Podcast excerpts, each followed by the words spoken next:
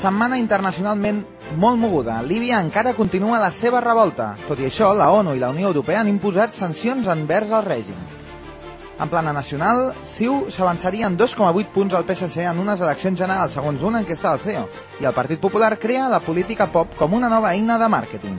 L'alcalde Areu, pel PSC, va ser proclamat dissabte com a candidat per les eleccions municipals de Barcelona i la coalició de Solidaritat dona llum verda a presentar-se en solitari a la província de Barcelona enfront les, les dures crítiques de Joan Laporta. El príncep Felip presideix l'acte per donar l'últim adeu als cinc militars que van perdre la seva vida i es redueix la velocitat màxima a 110 km per hora. Juntament amb aquests temes, altres temes a la tertúlia d'avui, com pot ser eh, l'injectament de Qatar de 300 milions per recapitalitzar les caixes espanyoles. La inflació, que continua pujant degut al preu del petroli, i el conveni mm, celebrat i firmat per amb dues parts pel col·lectiu de controladors aeris i Arena i AENA que mm, serà el marc comú que hauran de seguir aquests dos, aquests dos organismes durant els propers anys. Tot això amb una veu de l'actualitat, avui amb la veu convidada d'Albert Camarassa en procés judicial pels aldarulls que va haver amb els Mossos d'Esquadra el 2007. També un altre tema important del qual parlarem, La Vanguardia del grup Godó ha anunciat que sortirà en català també, a banda de l'edició en castellà, a partir del mes de maig. Avui, com sempre, a la tertúlia amb la Laura Pitart, la Itziar Bravo, un servidor i les seccions de la veu del teatre, la teva aventura i recordarem totes les seccions de la teva aventura i la secció del desembre de El punt de mira.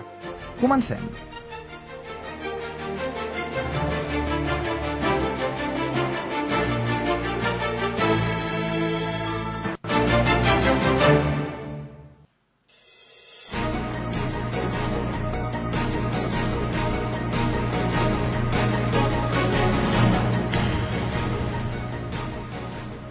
La revolta, la revolta a Líbia encara continua, mentre que el fill de Gaddafi, Said al-Islam, insisteix en que Trípoli està en calma. Encara anima els seus seguidors a agafar les armes. Això demostra que volen frenar les revoltes que s'estan donant. Fins i tot Gaddafi paga 500 dinars, uns 300 euros, a les famílies de la capital per comprar el seu recolzament.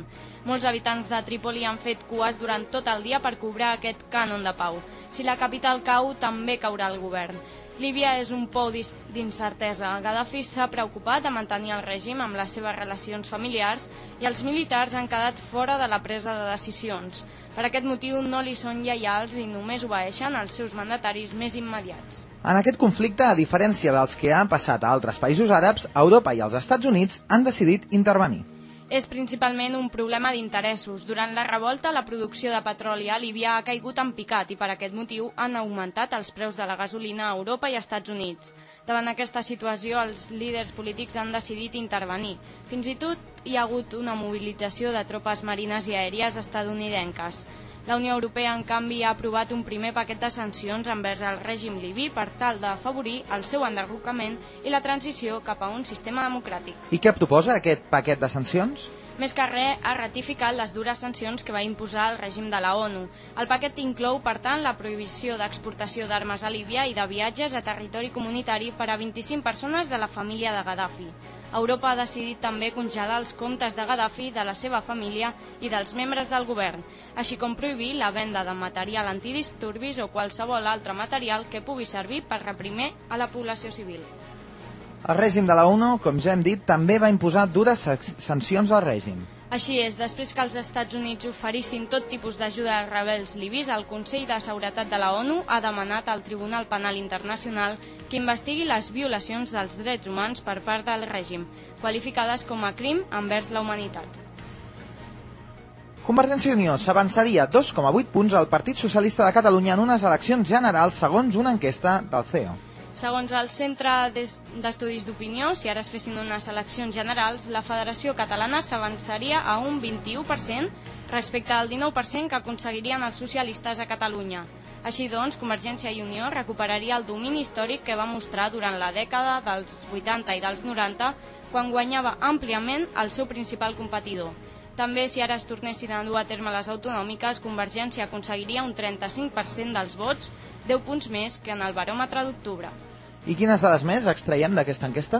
Doncs l'enquesta també apunta que l'atur i la precarietat laboral segueixen sent les màximes preocupacions dels catalans, a més de la immigració i l'economia. I continuant amb les eleccions, el Partit Popular crea la política pop. Què significa aquesta expressió? Es tracta d'una nova iniciativa que de moment han dut a terme dos polítics del Partit Popular.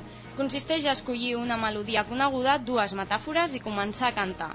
El més important, que el ritme sigui atractiu. La primera que va utilitzar la política pop, que és el nom amb què han batejat aquesta iniciativa, va ser la candidata del PP a l'Ajuntament de Gijón, Pilar Fernández Pardo. Fernández s'atrevia a cantar davant unes 200 persones Zapatero fue un error, una peculiar versió de la cançó Nada de esto fue un error. Escoltem-la. Oh, nada fue un error, Zapatero fue un error.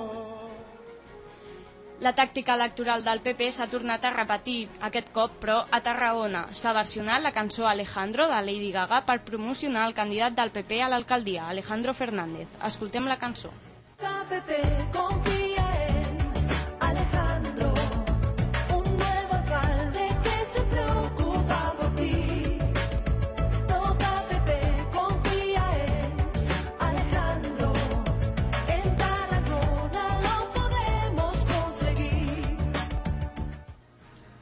Aquesta setmana l'exèrcit ha hagut de despedir-se de cinc companys. Ha estat un funeral molt emotiu amb la presència de diverses autoritats i la presidència del príncep Felip. Así es, el funeral ha estado cargado de emoción y es que no es para menos. Tras la accidental explosión de la semana pasada en Hoyo de Manzanares, Madrid, cuando un grupo de militares realizaba un ejercicio de desactivación de bombas, el ejército ha tenido que decir adiós a cinco de sus compañeros que fallecieron en el accidente, tres de ellos del ejército de tierra y dos en categoría de infantes en la Marina. Al funeral han asistido el presidente del Gobierno, José Luis Rodríguez Zapatero, la ministra de Defensa, Carma Chacón, el alcalde de Madrid, Alberto Ruiz Gallardón, y la cúpula militar. Todo presidido por el príncipe Felipe, el cual se ha mostrado muy dolido por lo sucedido y ha mostrado todo su apoyo y comprensión a los familiares y amigos de los fallecidos. Además, ha impuesto la cruz al mérito militar y naval sobre los cinco féretros. Després de guanyar les primàries, l'alcalde Areu va ser proclamat dissabte com a candidat del per les eleccions municipals de Barcelona. Com afronta Jordi Areu aquests comicis, Laura? Després de fer una crida a la unitat de tots els militants i simpatitzants, Areu va reclamar el vot per tal de fer front a una victòria de Convergència i Unió. Segons la- l'actual alcalde de Barcelona, Trias seria un mandat marioneta al servei del govern de la Generalitat. Amb això, Areu considera que la capital catalana en sortirà perjudicada, ja que li faran pagar a la ciutat els plats bruts de la recessió econòmica general. A aquestes declaracions ha respost el candidat popular Alberto Fernández Díaz, qui ha acusat a l'alcalde d'agitar el discurs de la por. Fernández Díaz considera que si després de 30 anys d'alcaldia s'opta per aquest tipus de discurs és que el canvi és necessari. La coalició de Solidaritat Catalana per la Independència dona llum verda a presentar-se en solitari a la província de Barcelona. Així ho comentava Uriel Bertran, secretari general del partit, un cop el 77% de l'Assemblea, entre els quals no hi era Joan Laporta, va aprovar aquesta iniciativa. Destacaven que volen arribar a convertir Barcelona en una capital d'estat català, en comptes de ser la segona ciutat d'Espanya. El cap de setmana del 12 i el 13 de març es duran a terme les primàries per escollir el cap de llista, ja que finalment s'ha descartat qualsevol tipus de pacte amb Esquerra Republicana. A les autovies i autopistes espanyoles s'ha acabat conduir a 120 km per hora. La nova mesura, que es vol implantar, vol reduir la velocitat màxima a 110 km per hora amb l'objectiu d'estalviar. De quants diners en podríem estar parlant, Sofia? Pues según el vicepresidente primero, Alfredo Pérez Rubalcaba, tal y como están los precios actuales del barril, con esta medida podríamos llegar a ahorrar unos 1.600 millones de euros al año, que representa un 15% de ahorro en gasolina y un 11% en diésel. Además, Rubalcaba ha defendido esta medida, que se aplicará a partir del próximo 7 de marzo, asegurando que es temporal y que se enmarca en el mayor plan de ahorro energético. Escuchemos cómo lo ha anunciado. Máxima de 120 a 110. ¿Y por qué lo hacemos? Pues para ahorrar petróleo, para ahorrar gasolina. ¿eh? Para que se haga una idea, esta reducción supone un 15% en gasolina y un 11% en gasóleo. Es decir, que si alguien recorre eh, 100 kilómetros en lugar de a 120 a 110, gasta un 15% menos de gasolina. A su vez, Rubalcaba ha mostrado palabras tranquilizadoras sobre el posible riesgo de suministro que supone la crisis del norte de África y ha asegurado que existe un abastecimiento de energía, eso sí, a precios más altos. Además, ha negado que la subida del petróleo vaya a influir en la recuperación económica y, por lo tanto, ha desmentido que exista la necesidad de retocar los presupuestos generales de Estado para este año 2011. Por otra parte, el, el vicepresidente primero ha anunciado que las tarifas de los billetes de tren disminuirán un 5% con el objetivo de aumentar el uso del transporte público y disminuir así el consumo de gasolina. Segunda medida. Vamos a, disminuir, vamos a rebajar el precio de los billetes de Renfe, concretamente de los billetes de, de cercanías, media distancia y cercanías, de media distancia y cercanías, tanto de los billetes como de los abonos. Pretendemos, pretendemos fomentar el transporte público y, por tanto, ahorrar gasolina. Eso es lo que pretendemos.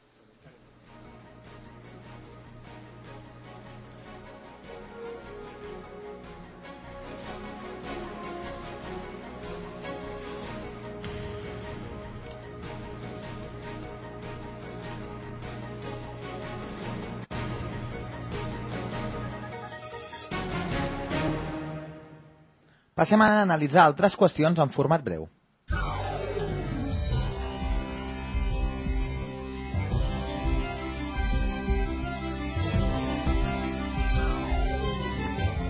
Les eleccions irlandeses finalitzen segons vaticinaven els sondejos. El partit conservador Fine Gael es va convertir en la primera força política després de 14 anys i formarà un govern de coalició amb el Partit Laborista.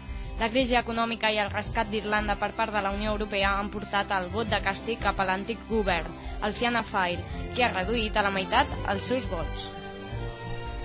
La multinacional nord-americana ExxonMobil, la major empresa petrolífera del món, té a Espanya la filial ExxonMobil Spain, amb un únic treballador i que en els, deu, en els dos últims anys perdó, ha guanyat gairebé 10.000 milions d'euros, tot sense pagar impostos.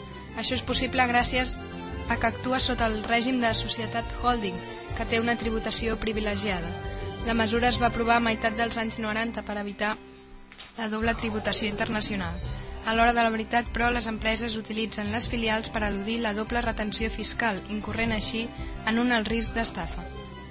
Zapat Zapatero va iniciar ahir una gira per diferents països àrabs. El primer que ha visitat ha sigut Qatar, que ha anunciat que invertirà 300 milions d'euros en les caixes d'estalvis espanyoles. Els sindicats d'AENA han amenaçat amb tornar a convocar una vaga per Setmana Santa si el govern no canvia d'opinió respecte al fet de privatitzar la societat estatal que gestiona els aeroports espanyols. D'altra banda, l'agrupació de demandants afectats pel tancament de l'espai aeri han demanat que es garanteixi als ciutadans l'existència dels serveis mínims. Milers de persones es van aplegar aquest dissabte a Castelló en una multitudinària protesta per reivindicar la tornada de l'emissió de TV3 al País Valencià. La pel·lícula El discurs del rei ha triomfat als Oscars. La clara vencedora s'ha endut els premis a millor pel·lícula, millor actor principal, Colin Firth, millor director, Tom Hooper, i guió original. Natalie Portman ha estat una altra de les protagonistes de la nit, ja que s'ha endut el guardó a millor actriu per la seva interpretació al Cisne Negro. La presidenta de la Comunitat de Madrid, Esperanza Aguirre, ha sortit de l'Hospital Clínico Sant Carlos després d'haver-se operat de càncer de mama. Aguirre se sotmet a la tècnica coneguda com de ganglio sentinela, la qual permet analitzar el gangli axilar per determinar si hi ha altres ganglis afectats pel càncer. En el cas d'Aguirre, l'anàlisi ha donat negatiu. El comte de Godó i editor de La Vanguardia va anunciar que el seu diari s'editarà en català a partir d'aquest maig, aprofitant el domini que tenen en el territori català per cuidar millor, tal com han dit, l'audiència del Principat català.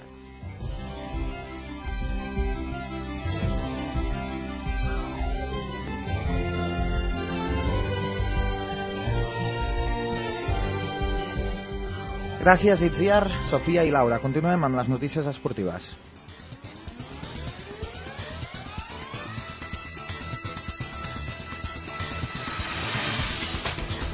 La distància entre el Barça i el Madrid torna a ser de 7 punts. Un Barça plegat de baixes va superar amb solvència i autoritat la visita a Sant Moix, imposant-se al Mallorca per 0-3 amb gols de la tripleta davantera, Messi, Villa i Pedro. Junts ja han aconseguit 83 gols en totes les competicions. Pel que fa al Real Madrid, els blancs van ensopegar en un estadi maleït. Riazor, on el Madrid només ha guanyat un cop en els últims 20 anys, va ser l'escenari on els homes de Mourinho es van estar allà una vegada i una altra davant la muralla defensiva del Deportivo. L'equip madridista ho va intentar de totes les maneres possibles i va enviar dues pilotes al pal. Miraculosament, però, Aranzubia va mantenir la seva porteria a zero. I per fi l'Espanyol diu adeu a l'ansietat. Amb el triomf sobre la Reial Societat per 4-1, els blanquiblaus van poder redreçar el seu rumb cap a aigües més tranquil·les. Les quatre derrotes consecutives havien posat en entredit la capacitat dels pericos per lluitar entre els millors, però la victòria d'ahir a la nit va permetre als homes de, Mauri de Mauricio Pochettino recuperar l'ambició i la cinquena plaça que ocupava l'Atlètic de Bilbao. Els bascos van caure derrotats davant el València, que es consolida a la tercera posició de la Lliga. I com han quedat les coses després de la 25a jornada de Lliga? Un dels equips a qui millor li estan anant les coses aquestes últimes jornades és el Llevant, que amb quatre victòries en els últims cinc partits s'allunya del descens, una zona amb la que molts equips continuen filtrejant. L'Al- L'Almeria es col·loca ara últim seguit del Màlaga i el Saragossa. A segona divisió hi ha hagut de tots colors. Comencem per la mala notícia. El Nàstic no aconsegueix abandonar el descens. Els granes no van poder frenar la ratxa victoriosa del Celta, líder de, la segona divisió, i segueixen a un punt de la salvació. Els d'Oliva van sortir ambiciosos i van jugar de tu a tu contra els gallecs, però de seguida el Celta va marcar distàncies amb un gol al minut 17. Els tarraconenses només van poder retallar distàncies al 25 de la segona. Partit boig a Sòria. El Barça B va, va aconseguir una espectacular victòria a Los Pajaritos. El filial blaugrana s'hi va imposar el Numància per 4-6 en un duel golejador, tan poc habitual com vibrant. I és que el partit entre catalans i sorians va deixar una segona meitat que va ser un autèntic festival golejador. Començava amb el Numància manant per 2 a 1, però els de, Ruiz, els de Luis Enrique van poder remuntar, tot i que no va, no va ser fins a les acaballes del partit quan els blaugranes van sentenci, sentenciar perdó, amb dos gols. Amb aquest triomf el Barça B se situa vuitè i torna a acostar-se només a un punt a la zona de play-off descens. Ben a prop del Girona, que amb 39 punts s'ocupa ocupa la sisena posició. El Girona continua la seva escalada cap a la part alta de la segona divisió després d'imposar-se al Villarreal B per 0-1. Gràcies a la victòria i afavorit també per les derrotes del Xerez i el Cartagena, el Girona entra de nou a la zona de promoció d'ascens i encadena la novena jornada seguida sense conèixer la derrota. El Riga el Barça s'ha tret l'espina que tenia clavada contra el Caja Laboral des de l'última final de la Lliga ACB. Els blaugranes es van imposar al conjunt de Dusko Ivanovic gràcies a un espectacular últim quart que va permetre als blaugranes deixar un marcador final de 89 a 66. Un nou triomf, el 20è consecutiu, que els referma en el liderat en solitari. El DKB Joventut continua sense saber què és guanyar a casa en aquesta segona volta.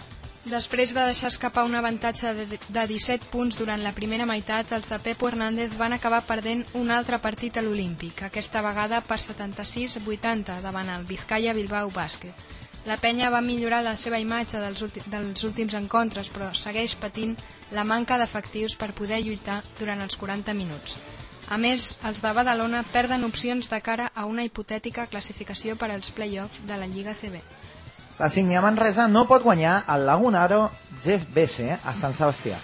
A l'últim quart, la Signe Manresa va deixar anar un partit que tenia controlat durant els tres primers períodes. Els del Bages van encaixar un parcial d'11-0 a l'inici del darrer quart, que els va sentenciar amb un marcador final de 81 a 70. El conjunt manresà perd una bona oportunitat d'allunyar-se de la zona perillosa de la classificació. La Copa del Rei deixa Vic, on s'ha estat els darrers dos cursos i torna a Barcelona quatre anys després. Exacte, parlem d'hoquei patins. El Barça Sorli Discau va conquerir el títol en imposar-se al Tecno Reus Deportiu per 4-2. L'equip blaugrana va superar l'actual líder de l'hoquei Lliga en la reedició de la final del 2007 en mostrar-se més determinat que el conjunt roig i negre. El partit, igualadíssim, no es va decantar fins ben entrada la segona meitat, quan la figura de Gurrola sota els pals va consolidar, juntament amb els gols d'Ordeig, Borregan, Torra i David Paez, la superioritat blaugrana. I ja per acabar, el somni tarragoní es queda sense els Jocs del Mediterrani del 2013. L'escollida ha estat la població de Mersin, al sud de Turquia, per acollir els Jocs del 2013. L'oportunitat de Tarragona de ser-ne la seu el 2013 va sortir després que la població grega de Bolos va renunciar a organitzar-la per motius econòmics. Tot i això, la candidatura catalana seguirà optant a organitzar la competició 4 anys més tard, el 2017. Gràcies, Laura.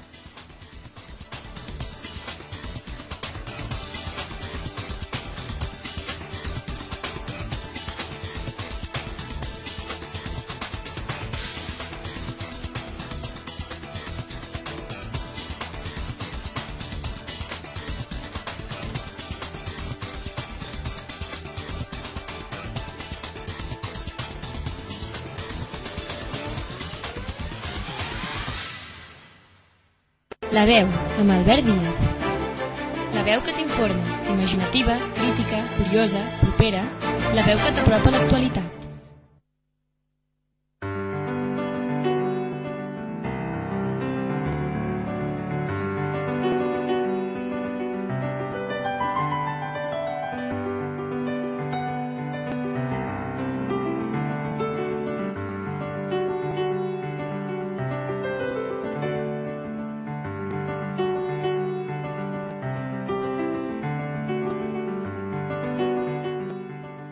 I avui, a la veu entrevistada, tenim Albert Camarassa, escubero, noi de 24 anys, comunista, nascut a Barcelona.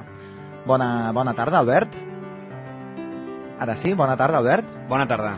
Eh, ell és un jove, com hem dit, de 24 anys, comunista, nascut a Barcelona, que el novembre del 2007 a Barcelona, després d'una de, de d'una manifestació arran de la mort d'un jove a Madrid, una manifestació celebrada a Barcelona, una manifestació antifeixista, mm, se l'acusa, està en procés judicial i se l'acusa d'haver obst obst obstaculitzat eh, la feina dels, dels Mossos d'Esquadra. Eh, Albert, en aquest procés judicial que encara està, que encara està per tancar, mm, després de després de posposar-lo diversos cops, aquest mes de gener el van tornar a posposar pel mes de desembre d'aquest any, del 2011, i esperem que llavors sí amb una, amb una definitiva sentència. Vosaltres, tant tu com els teus dos companys que estan imputats en aquest cas, eh, que estan acusats, perdó, eh, vosaltres sempre heu, sempre heu defensat la vostra innocència, no? Així és. Nosaltres, eh, bé, eh, jo i, i un altre company que es diu Xavi, doncs vam estar en aquella manifestació que va ser convocada per l'assassinat a mans d'un militar professional de l'exèrcit espanyol eh, una eh, de- d'ideologia feixista. Va ser assassinat un jove de 16 anys en el metro de Madrid i vam assistir a aquella manifestació eh, simplement per mostrar el nostre rebuig al que era un altre assassinat a mans d'un neonazi en l'estat espanyol i per mostrar la nostra solidaritat amb els coneguts i els familiars d'aquest noi. L'altre company que es diu Juanjo Serrano doncs ni tan sols va assistir en aquella manifestació i va ser quan nosaltres vam anar a comissaria que se'ns va eh, imputar, no? Eh, vam anar a comissaria a demanar eh, eh, informació sobre un dels detinguts que llavors eh, se'ns va imputar i per tant nosaltres no vam, no vam participar en cap dels aldarulls que se'ns acusa. Exacte, és a dir, segons el, el relat del, del fiscal, no? Eh, tant Xavier com, com Juanjo, Xavier de 21 anys, Juanjo de 45 anys, i tu, Albert, en el teu cas de 24 anys, són els, són, a- diuen que vau participar en aquesta, en aquesta manifestació, això és cert, però se us acusa eh, de dificultar l'actuació policial posant barricades eh, i contenidors al, al carrer Pau Clarís eh, per obstaculitzar aquesta càrrega policial. Com tu comentaves, eh, un dels companys, el Juanjo, no estava ni tan sols present a la manifestació, no? No, no ell, ell, vull dir, aquella manifestació tenia, un caràcter merament juvenil i ell, doncs, no, ell estava cuidant a la seva dona que havia sigut acabada d'operar i no, no, no hi va participar. A part d'això que dius de muntar barricades, també se'ns acusa d'atemptat, eh, que és agressió a l'autoritat, eh, de llançar ampolles o altres objectes contundents eh, contra, contra els Mossos d'Esquadra. I per què un procés judicial tan llarg? Estem parlant d'una manifestació celebrada el 2007 i a dia d'avui, el, el, el març del 2011, encara no, encara no hi ha una sen- sentència clara. Bé, jo no conec mm, com funciona internament eh, la justícia, però bé, eh, suposo que degut a la sobresaturació de casos, doncs això fa que, que, la, que, que tardessin eh, pràcticament 3 anys en eh, convocar el primer judici. El primer cop que es va suspendre, eh, es va suspendre, es va mm, retrasar, Prorrogar. prorrogar eh, varen ser 4 mesos més i ara ha sigut mm, bueno, d'ara fa uns dies Pràcticament al, un any. pràcticament un any 10 mesos. no? perquè segons ells no hi ha, no hi ha espai per col·locar aquest judici en, en un altre moment abans de, abans de l'1 de desembre déu nhi diuen que la justícia és lenta i, i aquí tenim un, un fet prou, prou, prou significant, no? Eh, tu pertanys a, al, al, al Partit Comunista del Poble de Catalunya, que és que una mica van, van bueno, participaven en aquesta manifestació, no? No, no va ser convocada pel, pel Partit Comunista, no? Però, però participava No, activament. Exactament, nosaltres simplement doncs, veient la, la situació d'aquest cas doncs vam solidaritzar i per tant vam participar en aquesta manifestació com molta altra gent. Consideres, Albert, que pel simple fet de, de, de ser comunistes, pel, del, pel simple fet d'haver estat allà a la manifestació, se us acusa d'uns fets mm, que no heu fet simplement pel fet de, de poder tenir algú a qui acusar? Jo crec que sí. Primer s'ha de tenir en compte que en el moment en què això surt a la televisió, eh, sobretot a TV3, es crea una, una, una commoció no? al veure les imatges d'uns manifestants llançant una valla contra la policia i el primer que li ve al cap a la gent és demanar, pues, demanar sang, no? demanar més, més, més repressió, demanar que, que, que hi hagin, que hi hagin eh, persones que acabin a la presó per aquests fets. Responsabilitats, no? Responsabilitats, sí, i perquè no es fos cas que se li digués als Mossos d'Esquadra que van deixar que succeïssin aquells fets sense haver-hi, eh, sense eh, agafar els culpables. Llavors nosaltres quan anem a comissaria suposo que hauríem fer els comptes, no els hi haurien sortir suficient gent eh, per netejar-se les mans i van eh, decidir encausar-se a nosaltres, a nosaltres també. Eh, jo crec que sí que el fet de ser comunistes és eh, mm, des, eh, decisiu en aquest, en, aquesta, en aquest cas perquè nosaltres estem 3 hores a comissaria des de que entrem no? a, esperant els, els, els encausats a que els retenguessin els nostres ad- advocats i i, i jo, des de que entro a la porta a mi se'm podria haver deti- detingut si se m'identifica no? com, a, com a tal I no va ser el cas. i no va ser el cas. Jo vaig estar 3 hores amb el DNI que, en mans de la policia que, que, que, que esperant allà i fins i tot me'n vaig anar a casa sense jo ser informat de, de, de que havia sigut identificat. Simplement passant 3 hores en què es busca la informació i tenim indicis de que, eh, bueno, fins i tot en l'atestat policial no apareixen les dades de, de, que, que hi ha en el DNI d'en Juanjo, sinó les dades que, de la seva direcció postal de feia uns quants anys, que evidentment no, no han tret la nostra informació per, dels nostres DNIs, no això vol dir? Exacte, si no l'han tret de- d'algun... D'altres del- llocs que, que evidentment no per, no per als nostres antecedents policials eh, o activitats delictives, sinó per altres activitats. És, és curiós, no? És curiós aquest fet, no? Una mica, segons la, la teva explicació, vosaltres esteu encausats, no? Esteu en un procés judicial, però no se us va detenir en el, en el moment d'aquells actes, no? Se us va detenir després pel fet de que vau, vau acudir a la comissaria, no? Sí, sí, sí. Per tant, és una mica paradògic, no? Que, que, que unes persones que en principi en aquell moment no se'ls ha detingut, se'ls pugui de, de, detindre després, al cap d'uns dies, casualment, ells mateixos... Eh, Sí, el, eh, segons la, els Mossos d'Esquadra nosaltres vam ser tan estúpids de, després de ser els responsables de causar tots els incidents, perquè a més no només som un dels responsables, sinó segons ells som els que dirigíem tot un grup de persones que anaven ja amb la, aquesta voluntat de causar els incidents, nosaltres som tan estúpids de ser els mateixos els que anem a comissaria a buscar a, buscar, a, a interessar-se per, per, per algun detingut, no?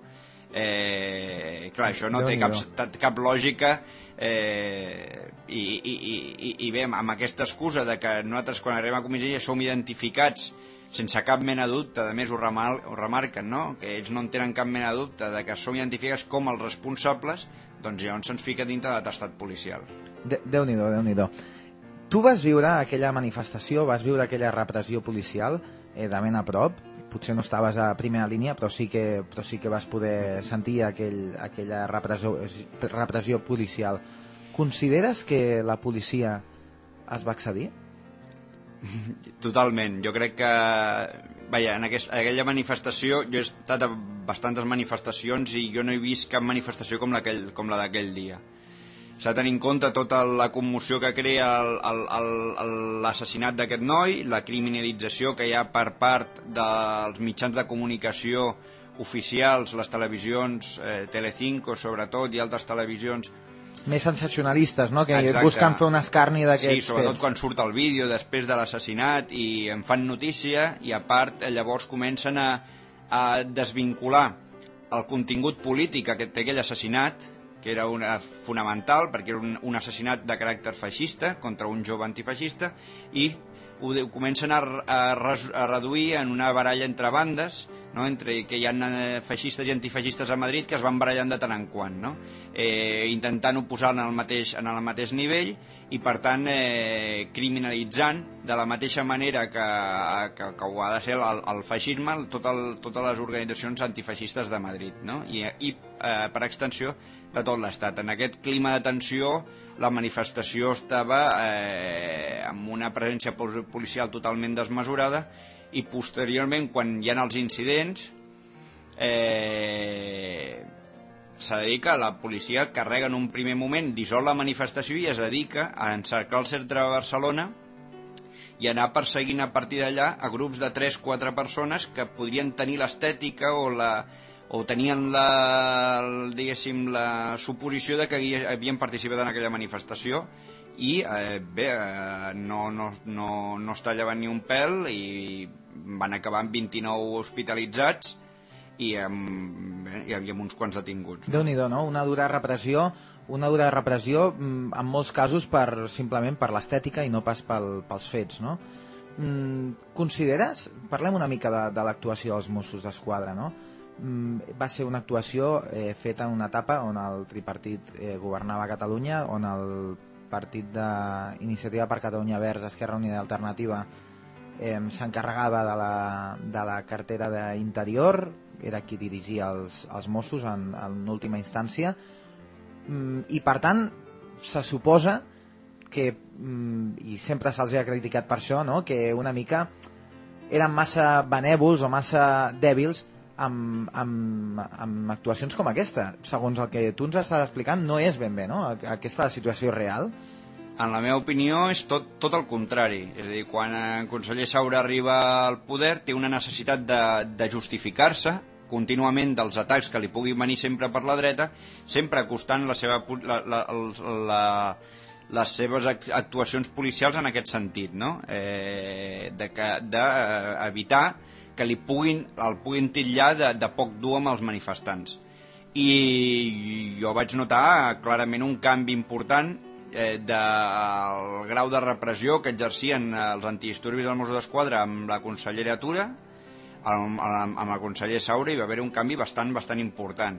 Es va veure també les manifestacions contra Bolònia o altres manifestacions que, en què s'han utilitzat objectes doncs, de dubtosa legalitat per El, part dels el, tan, el tan criticat, no? El cubotant, no? Exactament. I per tant, eh, jo crec que això no, no, no, no la identificació de Saura com una persona permissiva amb els que els, han dit els antisistema, això no és... Completament no és, erroni, És no? completament erroni, sí. I amb el nou canvi de govern, amb, ara amb Felip Puig a, a la Conselleria d'Interior, eh, preveus un, un enduriment de, dels Mossos d'Esquadra de tolerància zero, com, com ells mateixos han comentat? Bé, com he dit, jo, no, jo crec que no hi havia cap tipus de tolerància eh, amb, amb, amb, com, com En volia cas, vendre, no? com volia vendre a Convergència i Unió. Jo crec que no, jo, jo crec que ara simplement a Convergència i Unió ja li va bé aquest grau eh, repressiu que, que ha assumit eh, els Mossos d'Esquadra contra tot allò que no li interessa en el carrer, contra tot tipus de protesta fora de l'hegemonia ideològica de, de, de, dels, de, de, del que és el sistema capitalista i per, i per tant això, aprofitant que el, el conseller s'haurà portat fins a aquests termes la, la repressió policial en, eh, jo crec que ara el Felip Puig està encantat de mantenir-ho en, aquest, en aquest punt i fins i tot si en algun moment es veu amenaçat o veu eh, problemàtiques no, hi ha, no dubto de que No es tallarà, no? no, no es tallarà en, en seguir eh, doncs, traspassant línies que, que, bueno, que fins i tot ells mateixos s'havien imposat en, la, en el que li diuen la democràcia. Exacte. Mm, Consideres que pel simple fet de ser... Feia poc, no?, vam veure el desallotjament del, dels cinemes, bueno, dels antics cinemes a, a la Via Laietana, eh, d'uns ocupes, pel simple fet, fet de, de potser ser ocupes o de ser comunistes o de ser una ideologia diferent a la que la majoria de la societat o, o si més no els partits que estan eh, al, al Parlament de Catalunya eh, defensen mm, noteu més repressió? Noteu més una mica estar més collats? Que jo crec que aquesta és la definició, diguéssim, de la, de la repressió, no? El, eh, la repressió s'utilitza contra aquells que poden fer mal. Eh, jo crec que els partits que a dia d'avui estan al Parlament de Catalunya no pod, poden tenir diferents eh, sensibilitats en diversos temes, però no poden fer mal a l'estructura del que és el sistema capitalista, no? Cap d'ells eh, eh, aporta una, una, una proposta radicalment diferent eh, de, del que és la, la propietat i la- l'apropiació de, de, del, del, del treball i que és el que realment pos- posa en perill l'estatus quo no? Eh, contra aquests que sí que poden posar en perill. No hi ha de manera a dia d'avui eh, molt eficaç però sinó de manera potencial és contra aquells que es dirigeix la repressió. I més a dia d'avui que en un moment de crisi ells mateixos el que preveuen és un augment de conflictivitat social ell, eh, només quan va començar la crisi, un dels objectius que va fixar-se Zapatero és, és eh, mantenir la pau social, que li diu, no? Exacte. Mantenir la pau social passa per, a que, per acallar aquella gent que no accepta la seva pau social. I aquests són, en part, tots aquells que podíem estar en aquella manifestació en, en, en aquell dia i, evidentment, els comunistes, eh, sense cap mena de dubte. Exacte, és una mica o amb mi o, o, llavors, o llavors tindrem problemes, no? Sí. Eh, bé, tu com a, com a jove, ets molt jove, tens, tens tan sols 24 anys, eh, com a jove comunista, creus que avui en dia és molt més difícil eh, poder fer arribar el missatge comunista, al, sobretot a la gent jove, després de- d'una mica això que comentàvem, no? Aquest, aquest, aquesta evolució de la societat cap a una societat més capitalista, ens ho venen tot, potser, tant les televisions com la premsa, com sobretot la política, com més idealitzat el, el capitalisme com, com una cosa més bona i, i potser no, no hi ha prous espais de diàleg, prous espais de debat per, per, bé, per, per considerar altres opcions, no? com pot ser el, el comunisme. Aviam, jo eh, crec que el, el, eh, el poc a poc la gent es, es, va, veie, es va donar en compte de, de, la, de la situació en la, que, en la que ens trobem. No? Pese a que la societat s'aguanta no per una justícia social, sinó s'aguanta bàsicament per un eh, control ideològic eh, per part dels llibres de text en l'educació, en la universitat, el, sobretot els mitjans de comunicació eh, de mass media, eh, per un eh, control cultural, de saber què s'ha de pensar, què s'ha de dir, fins i tot un control lèxic, no?, de què és o no és democràcia, fins i tot, no?, coses, conceptes d'aquest tipus, que, que porten a un control ideològic de, de, de, de la gent i en general de, de la joventut. Eh, però aquest control no pot anar-se'n més enllà del que és la realitat mateixa, no? i la realitat fa que a dia d'avui eh, s'estiguin retallant tota una sèrie de drets eh, socials a les classes treballadores per, a, per apropiar-s'ho aquelles, aquella, aquelles classes doncs, eh, dominants. I això és una realitat que la gent veu, però li falta saber una, tenir una alternativa eh, sòlida que pugui dir, mira, pues, això, en això no hi estic d'acord, hi ha algú que em dona una alternativa real que, que crec que sí que, que, pot, que pot ser viable. La universitat pot ser un bon espai de, de debat d'aquests... de- d'una mica d'extendre aquest missatge? Ho podria ser, sí, si evidentment es tingués eh, obert eh, de ment no? el que és eh, moltes concepcions, no? a vegades eh, es té la identificació de democràcia igual a lliure mercat, per exemple, no? i a partir d'aquí tot el que no sigui lliure mercat ja no és una qüestió democràtica i per tant ja no s'ha d'admetre dintre dels cercles de debat, per exemple, això són, són coses que a vegades es trobem a la universitat i que, i que això és eh, evidentment tancar i ficar unes fronteres molt clares al que, al que es pot debatre i al que no es pot debatre. Bé, eh, una mica tornant al, a la causa aquesta que, que us han imputat, no? Mm, del 2007 al 2011 són pràcticament eh, 4 anys, Mm, a finals del 2011 ja seran mm, gairebé 5 anys. 5 anys, eh, bé, que heu estat, esteu en un procés judicial, tant tu com el Xavier, com el Juanjo, eh, l'home de 45 anys, que ni tan sols estava en aquella manifestació. Mm, algun dia es farà justícia? Perquè clar, vulguis o no, són entrebancs que, que us posen a vosaltres, no? Assistir al, en aquest cas als jutjats, assistir a les comissaries dels Mossos i una mica aquest, aquest, aquest neguit, no? De que tot i que no sou culpables, tot i que no vau estar allà, mm, bé, sempre et, et cap a, a, a, aquest dubte, no? De dir, ostres, imagina't que... Evidentment, mm, mai, mai es pot fer justícia quan s'acusa ja algú i se'l fa passar durant 4 anys per un tràngol que familiar, personal, eh, d'aquest tipus, no? en què se t'està amenaçant amb la, amb la presó de, i amb això no, no, et, per, no et permet eh, fixar-te uns objectius a la vida, eh, què faràs, què, què, eh, què estudiaràs, eh, perquè sempre estàs pendent de si d'aquí 3 anys estaré o no estaré en llibertat. No? Això, eh, a part de, de totes les teves relacions personals i, i, i, l'angoixa que, que, que això et suposa, sobretot als moments abans del judici, fa que això no, ja, ja és una pena de per si abans de, abans, abans de, de, de, la, de la sentència judicial. Sense mereixer-la, a més a més. Sí, en aquest cas, eh, clarament, eh, de manera gratuïta. Eh, bé, deixant una, mica, deixant una mica el tema i ja per acabar l'entrevista et demanaria una mica de valentia. Eh, com veus el país a Catalunya en un futur? Doncs eh, jo crec que s'ha de tenir molt clar que se'ns està posant una disjuntiva en què en pos de la competitivitat, en pos de que les empreses doncs, han, de, han de competir amb totes les empreses del món, no? que, que, que si no són millors que elles se les mengen, en pos de la competitivitat tenim dues opcions, o se li dona a totes les empreses i a la banca tot allò que demanen, eh, pràcticament ens mm, situem en una situació d'esclavitud de, de, de, de, d'esclavitud tàcita, que és el que està fent el govern, donant-li tot allò que demanen a, a l'oligarquia, eh, i així sí que podem ser competitius, eh, i, i, i, i, i, comba, i competir amb les empreses dels Estats Units i de la resta d'Europa i de la resta del món, o la, o la classe treballadora doncs, diu, diu prou i que, i que això del lliure mercat simplement és el lliure, la llibertat per uns i l'esclavitud per uns altres i dona, diguéssim, fa un canvi de rom eh, cap a un sistema totalment diferent a l'actual.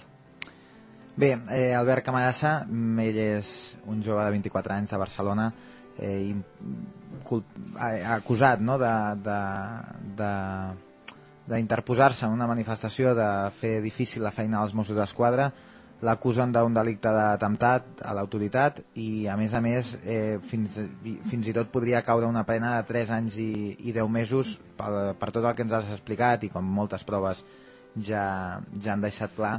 Eh, probablement el judici, i esperem que així sigui, el judici que celebri el, el proper, el, a, a finals d'any, a finals d'aquest any 2012, eh, us absolgui, tot i els problemes que heu tingut durant aquests anys, no? aquests 3 anys i mig llargs, 4 anys, eh, tot i aquests problemes, aquests, aquestes dificultats, us absolgui i llavors ja pugueu descansar tranquils, per, per dir-ho d'alguna forma, i lluitar sense, sense violència des de, des de les paraules. Això esperem. Moltes gràcies. Moltes gràcies, Albert.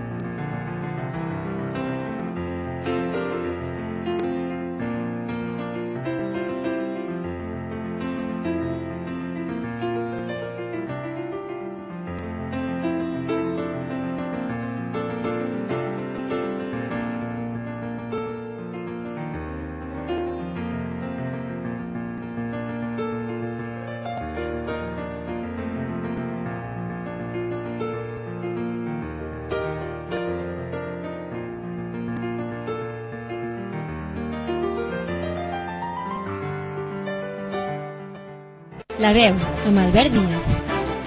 La veu que t'informa, imaginativa, crítica, curiosa, propera, la veu que t'apropa a l'actualitat.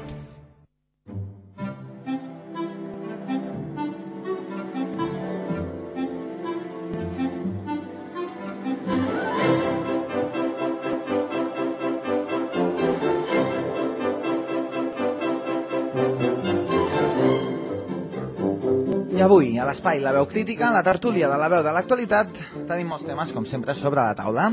Però abans de tot, saludem a tots els nostres oients que ens escolten a través de Cultura FM, pel 93.1 al Vendrell, el 88.0 a Sabadell, el 106.9 a Barcelona i a Sant Feliu de Llobregat i per la TDT, el canal, canal 48 de la UAQF, el, Barça, el Barcelonès, el canal 54 al Tarragonès, l'Alt Camp i la Conca de Barberà, zona del Camp de Tarragona, i el 40 del Vallès Oriental, també tots els que ens escolten a través de Ràdio Tiana, Ràdio Trinitat Vella, Ràdio Estafrancs i totes les ràdios del país que també ens emeten. Eh, I ara sí, comencem la veu crítica. Abans, recordant als nostres oients que poden enviar-nos mails proposant temes d'actualitat, explicant-nos, donant-los la seva impressió, a la veu de l'actualitat arroba gmail.com la veu actualitat arroba gmail.com poden visitar la nostra pàgina web a www www.laveufm.blogspot.com o agregar-nos al grup de la veu al Facebook. I ara sí, donem la benvinguda als nostres tertulians habituals. Itziar Bravo, bona tarda, Itziar. Bona tarda. I la Laura Pitar, bona tarda, Laura. Hola, bona tarda. Avui, ara, a veure, Laura, el micro, bona Hola, tarda. bona tarda. Ara sí que ho tenim. Avui amb molts temes. Parlarem sobre temes, com sempre, nacionals, temes internacionals, però comencem amb una de les notícies més importants pel nostre país, i és que aquest cap de setmana el grup Godó, el, amb el seu capdavant, el conde de Godó, ha anunciat que La Vanguardia sortirà en català a partir del mes de maig. És a dir, tindrem una, una versió una mica com, com fa el periòdico, no? una versió en català i una en castellà, però ja han deixat ben clar que no serà una traducció, no serà la traducció de La Vanguardia actual, perquè La Vanguardia actual ja té algunes notícies en català i altres en castellà per la per l'edició a Catalunya, sinó que serà una Vanguardia feta en català. Jo això no ho veig gaire viable, eh? que en un dia es facin dues vanguardies i no hi hagi cap traducció sistemàtica del castellà al català. Home, jo, jo considero que sí que hi haurà traducció, l'únic que hauran volgut dir que no faran una edició i la traduiran, sinó que potser en funció de, de l'edició doncs, tindran uns col·laboradors o uns altres. Segurament deixin de fer continguts mm, a l'avantguàrdia nacional de Catalunya, com fan ara, que li dediquen bona part dels continguts a Catalunya, i segurament doncs, aquests continguts que es fan a Catalunya doncs, els faran per a l'avantguàrdia en Catalunya, que serà en català. Però jo no sé fins a quin punt és factible fer això, perquè clar, mm, en el moment en què estem de crisi, que els diaris no tenen diners, i que a sobre ara fem un nou diari, perquè és com si sortís un nou diari. A veure, suposo que sí que reutilitzaran algunes notícies, però, com dius d'altres, seran noves. Per tant, un nou diari, què faran? Augmentaran el nombre de periodistes o eh, seguiran els mateixos periodistes i faran la més feina encara?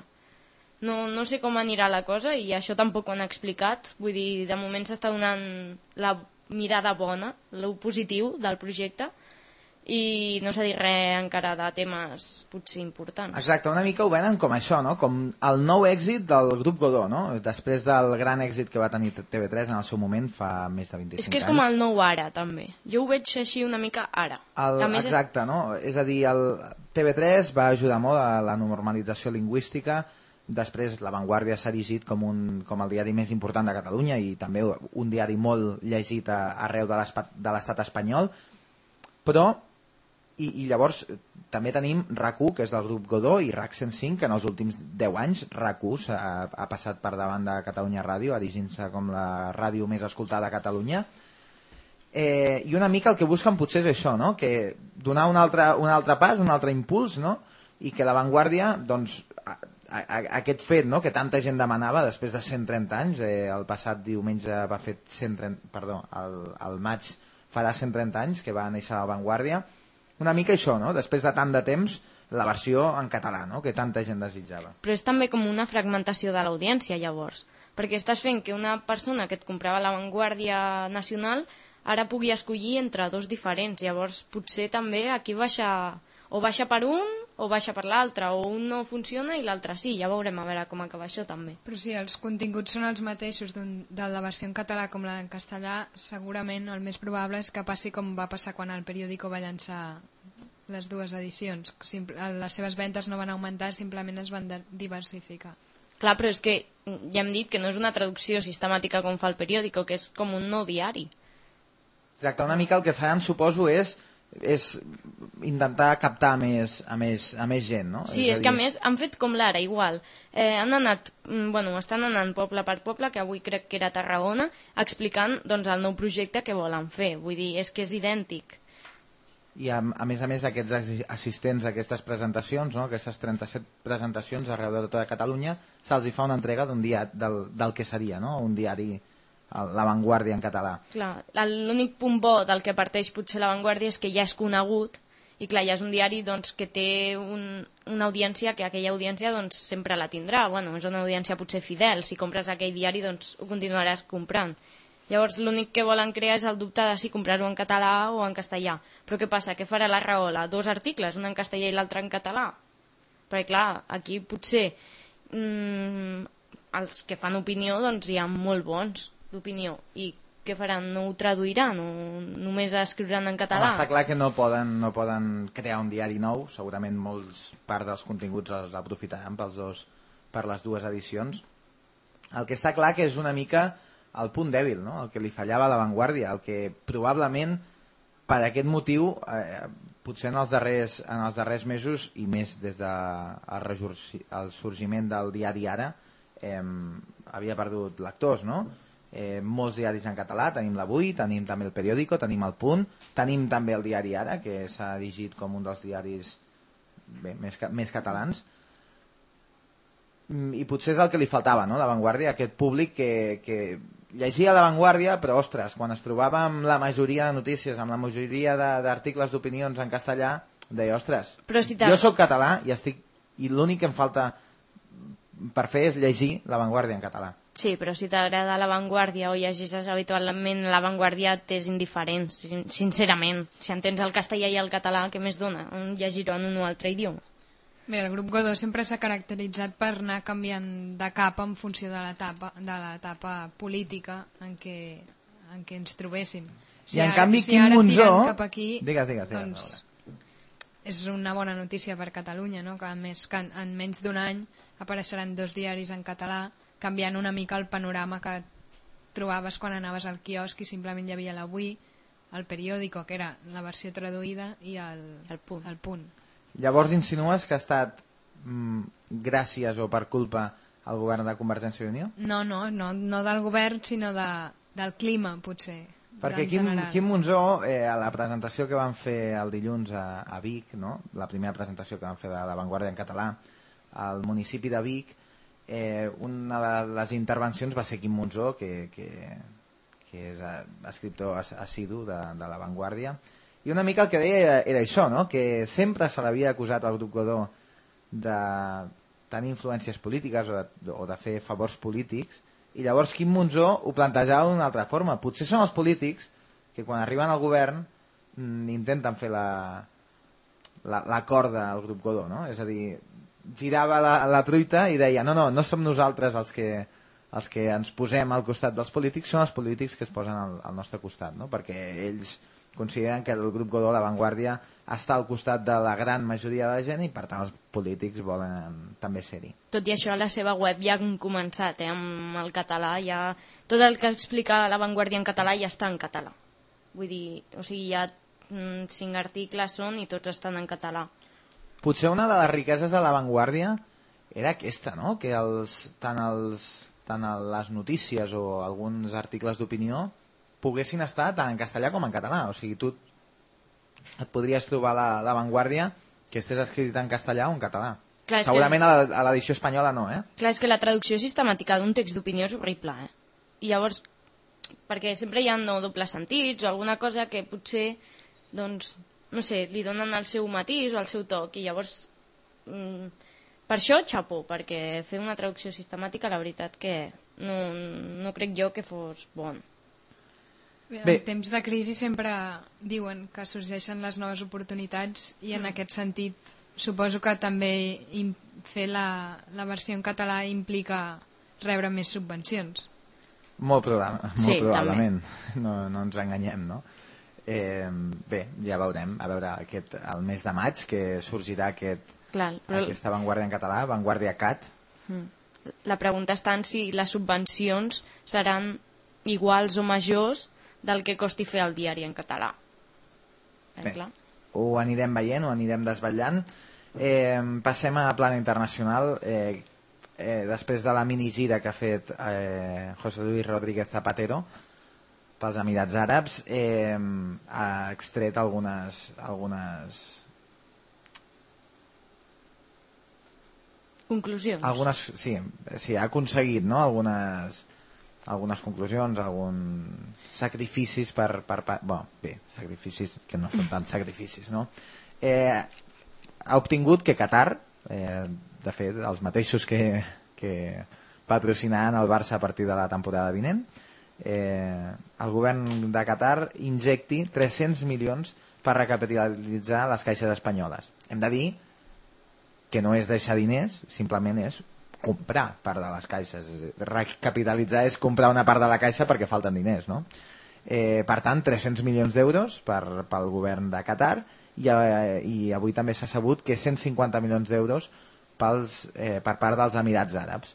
Per tant, 450 milions d'euros per recapitalitzar caixes de- d'estalvi de, espanyoles. Considereu que, que no anem massa bé si, si, els, si els, els Emirats Àrabs ens han de començar a recapitalitzar caixes? no anem bé si són ells i si és qualsevol. O sigui, en el moment en, en què hi ha doncs, aquesta recapitalització de les caixes hi ha algun problema l'economia espanyola. Mm, indiferentment de si és Qatar o si és Emirats Àrabs o si qui sigui. Això sí, és una inversió bastant forta, 300 milions d'euros. És bastant. És el que deies tu, vull dir, parlem en propietat i recapitalitzar vol dir que aquests senyors de Qatar ara seran més propietaris o seran part de tindran part de propietat de, I per tant les tindran influència sobre les Exacte, decisions i que es tot, puguin tot prendre. té un preu i Que és una mica... El vol dir que, ells ens han de salvar si passés alguna cosa, per tant exacte, és una mica el que passa amb, amb el govern xinès, no? El govern xinès compra molta part del deute espanyol. Sí que és veritat que el deute funciona una mica mala, diferent, perquè un cop tornes aquest deute Ja està. ja estàs, com, vull dir, ja no tens cap, cap mena de relació no, amb aquell govern. És el deute extern. Que Exacte, però, però amb el deute extern, amb aquest deute del govern xinès, eh, ara callem moltes coses que potser el, que fa el govern xinès i potser no ens, no ens semblen bé i simplement no les critiquem perquè, perquè ens estan comprant, per dir-ho d'alguna forma, el nostre silenci. Això passa a tots llocs, en un mitjà de comunicació això també passa, i parlo com a periodista. A veure, mm, quan et posen publicitat eh, alguna empresa no aniràs en contra seva, si és la que et dona els beneficis, és la que t'està permitint doncs, que puguis treure el teu diari dia a dia. Llavors I- és el mateix. I això també ho hem de tolerar a, a un govern que, que en aquest cas no està no està, per dir-ho d'alguna forma, no està avui estic una mica espès. Ja et sortirà la paraula, no ja. No denuncia eh, la vulneració dels drets humans per part de països com, com Xina o per part de països com Qatar. Eh, és una mica el dilema que vam tenir amb el Futbol Club Barcelona, no? Que potser en el cas del Club Barça, Futbol Club Barcelona es pot entendre més perquè és una fundació privada mm, que, que, que vella pels seus interessos, pe- però en el cas d'un govern, d'un govern democràtic eh, del, del primer món, d'Europa, mm, el poden comprar? Aquest, a, a, poden comprar el seu silenci? No haurien de, però clar, els diners tiren molt, no? I és una gran inversió i òbviament ara no s'arriscaran a perdre aquesta inversió o imagina't si diu alguna cosa dolenta. Poden dir perfectament, doncs ara retirem la inversió i a veure qui us la dona. Clar. Llavors, sí que hi hauria d'haver una independència entre països, estats i entre mitjans de comunicació i publicitat i entre governs.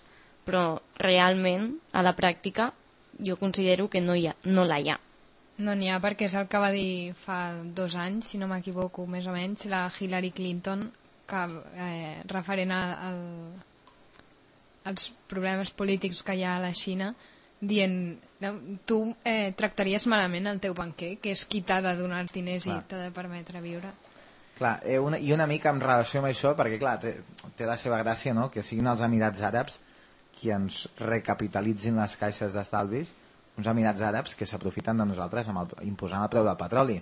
Clar, un preu de és- pa- del petroli que està a l'alça Per i Líbia. que, i que a més a més influeix molt a, a la inflació, no? A la inflació que estem tenint aquests dies està per sobre del 3% I que ha pujat gràcies a això única i exclusivament eh, degut, a, degut a, a l'augment del petroli. Eh, teníem un rècord històric ahir mateix de 1,31, si, si no m'equivoco. Però és que el petroli, ara per 31 ara, és, que és el que dona el poder. És que s'està veient, tots els països que tenen petroli són els que realment estan emergint com a potències. I és que el petroli últimament va molt car i, òbviament, és un peix també que es, mossega, que es mossega la cua. Deixen diners, però aquests diners, en veritat, són els mateixos que han utilitzat els estats per consumir, per comprar el seu petroli. Vull dir, però clar, és, és, és el capitalisme, no, això? I per, I per tant, no, els països occidentals, potser que no tenen tantes reserves de petroli, no haurien d'intentar no dependre tant del petroli? Però és que són molt més cares les altres energies renovables. I est, o sigui, estic totalment d'acord que s'ha de reduir perquè si no, a- tard o d'hora ens acabarem quedant sense. O quedant-nos sense, que jo sincerament crec que aquesta utopia no arribarà mai, perquè Mm. el, el pas que anem, vull dir, ja fa anys que s'havia d'acabar el petroli i no s'acaba mai, però més que res per, per aquest augment desmesurat dels preus. És que- Un preu que no coincideix amb el seu valor. És a dir, el preu del petroli fa 10 anys costava un euro menys. Hmm. O sigui, si ara val posar un litre de benzina o 31 euros, doncs fa 10 anys costava 50 cèntims a, a, a l'estat espanyol. És que s'està convertint en un luxe el petroli. I tenir cotxe igual, perquè tots els impostos que has de pagar i tot, vull dir, s'està fent com si fos només per a persones que siguin riques o que realment s'ho puguin permetre. I clar, és el que diem, puja el petroli però també puja el transport públic i no és barat tampoc el transport públic, així que escollir. Exacte, recordem que a més a més el, el preu de la benzina està fortament gravat pel, pel govern espanyol eh, que posa forts impostos, no? Potser, si, com hem sentit abans a les notícies, mm, Alfred, Alfredo Pérez Rubalcaba, eh, que anunciava disminució dels bitllets de, de tren i disminució de, de, la, de la velocitat màxima que més endavant debatrem, eh, si, tants, si tan interessats estan en que la gent no gasti o que no, es o, o que no que, que no sigui tan gran la despesa que fan en benzina, que baixin els impostos de la benzina, no? Clar, però és com baixar els impostos de tabac, no interessa, no? Sí, però en el cap del tabac potser, potser es pot entendre més que es pugin els impostos perquè és un, és un mal que es fa un mateix, que perjudica... Bueno, però això, perjudica- segons ells, és un, ma- bueno, segons ells realment és un mal a tota la humanitat, no? Amb tota la contaminació que es genera i tot. Més endavant entrarem als, a les qüestions sobre, sobre el que ha anunciat el Pe Alfredo Pérez Rubalcaba, però abans eh, parlem sobre el conveni dels controladors que permetrà que cobrin 200.000 euros l'any. Mm, Al finals del mes de febrer, el, justament el 28 de febrer, van, van firmat en el sindicat del controla, de controladors aeris com AENA van firmar aquest laude imposat o escrit per un àrbitre, ja que ells dos no van ser capaços de posar-se d'acord a finals de gener, i en aquest, en aquest nou conveni els permetrà cobrar 200.000 euros l'any, cal dir que són 100.000 euros menys del que cobraven anteriorment, també tenen un límit eh, d'hores mensuals eh, i anuals, i per tant, bé, amb aquest nou conveni, en principi ens assegurem que no tindrem un altre cas de vaga de controladors aeris com va passar al, al pont de desembre. És la història de mai acabar, no? Mm, ja veurem si realment ho respecten, perquè per Setmana Santa sembla que hi ha hagut una mica de follon. I no sé. Hi ha moviment per Setmana Santa els, els, els sindicats dels treballadors de terra dels aeroports de- d'AENA volen fer vaga perquè estan en contra de la privatització. Mm, Sí, és que quan Potser ja n'hi ha prou d'estar un país de, de gent que viu massa bé perquè té uns contractes de treball potser massa bons eh, i començar a, a, a pujar-nos tots els pantalons i, i, i, a, i a treballar per la feina que ens toca, no? Clar, és que a més ser controlador, vaig veure un documental que donaven, que, a veure, està molt regulat i molt poques persones poden optar a, ser-ho.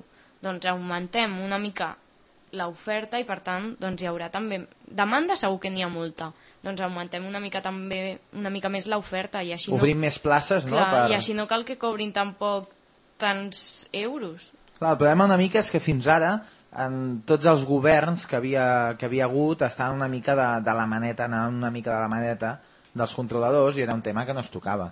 Però és el que comentes tu, no? Per què no? Per què no podem obrir i en comptes de que surtin 20 nous controladors cada any sense, sense, sense comptar la gent que jubila, que jubila o la gent que està de baixa, podríem obrir una mica més l'oferta i en comptes de 20, doncs que en siguin 50 potser. I amb aquests 50 pod- tindrem més gent, no caldrà pagar tantes hores extres, podrem pagar menys, perquè realment és una feina que si Sí. abans cobraven 300.000 i ara 200.000, eh, vol dir que és que portem molts anys pagant 100.000 euros de més que no hauríem d'haver pagat, eh, i bé, per tant podria baixar aquest preu, que, que tot i així és molt alt, 200.000 euros l'any. Sí, ara redueixen el sou, però també redueixen les, Les les hores. hores. I tot això no passaria si fos... Vull dir, els, els controladors estan, han tingut sempre l'interès de, no manten, de no ampliar l'oferta.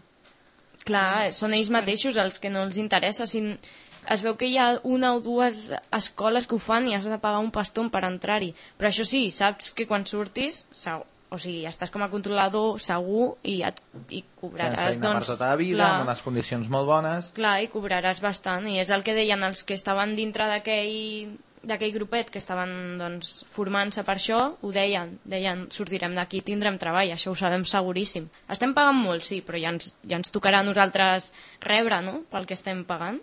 I, és I, que i és una així. mica ja n'hi ha prou, no? El cas dels controladors ja s'ha passat, ara venen els treballadors de terra dels aeroports d'AENA, que estan en contra d'aquesta privatització de, de la companyia. Mm, És que són tan importants Cal, un com caldria, dir, caldria dir que lo normal a un país capitalista és que no hi hagin empreses estatals, com en el cas d'AENA i antigament Telefònica, Correus, Endesa, que per sort, o Repsol, no? que per sort doncs, doncs es, van, es van privatitzar, no? Però, clar, mm, una mica es, es posen ells en, en evidència, no? Estàs protestant per què? Perquè saps que en un sistema privat tu no cobraries el que cobres i no tindries les, les condicions de treball que tens. Per què? Perquè no és rendible per l'empresa. Exacte, aquí anava jo. Si, si AENA fos privat, eh, no, no, hi, no hi haurien tots aquests conflictes, perquè el poder de negociació que tenen ara tant els treballadors de terra com els controladors no existiria perquè si tu fas vaga o no vols, et negues a venir a treballar doncs vin, ja vindrà un altre i farà per tu. Clar, és que ha, és això, jo també anava aquí, que hi ha molt d'atur i que realment hi ha molta gent que no li importaria estar treballant mentre aquestes persones estan fent vaga. I clar, això també és una cosa que hem de tenir en compte, perquè és això, AENA ara mateix perquè és de caire més estatal, però en el moment en què passi a ser privada, doncs mm, per això no, no els hi acaba de convèncer, perquè no, no, Una mica en relació amb el que, amb el que tu comentaves no? sobre l'atur a, a Catalunya, mm, un informe de Comissions Obreres diu que més de 100.000 persones viuen a Catalunya sense l'atur, sense la prestació d'atur i sense cap mena d'ajuda. 100.000 persones és molta gent. Molta. I va pujant, cada, cada mes puja més. O sigui que...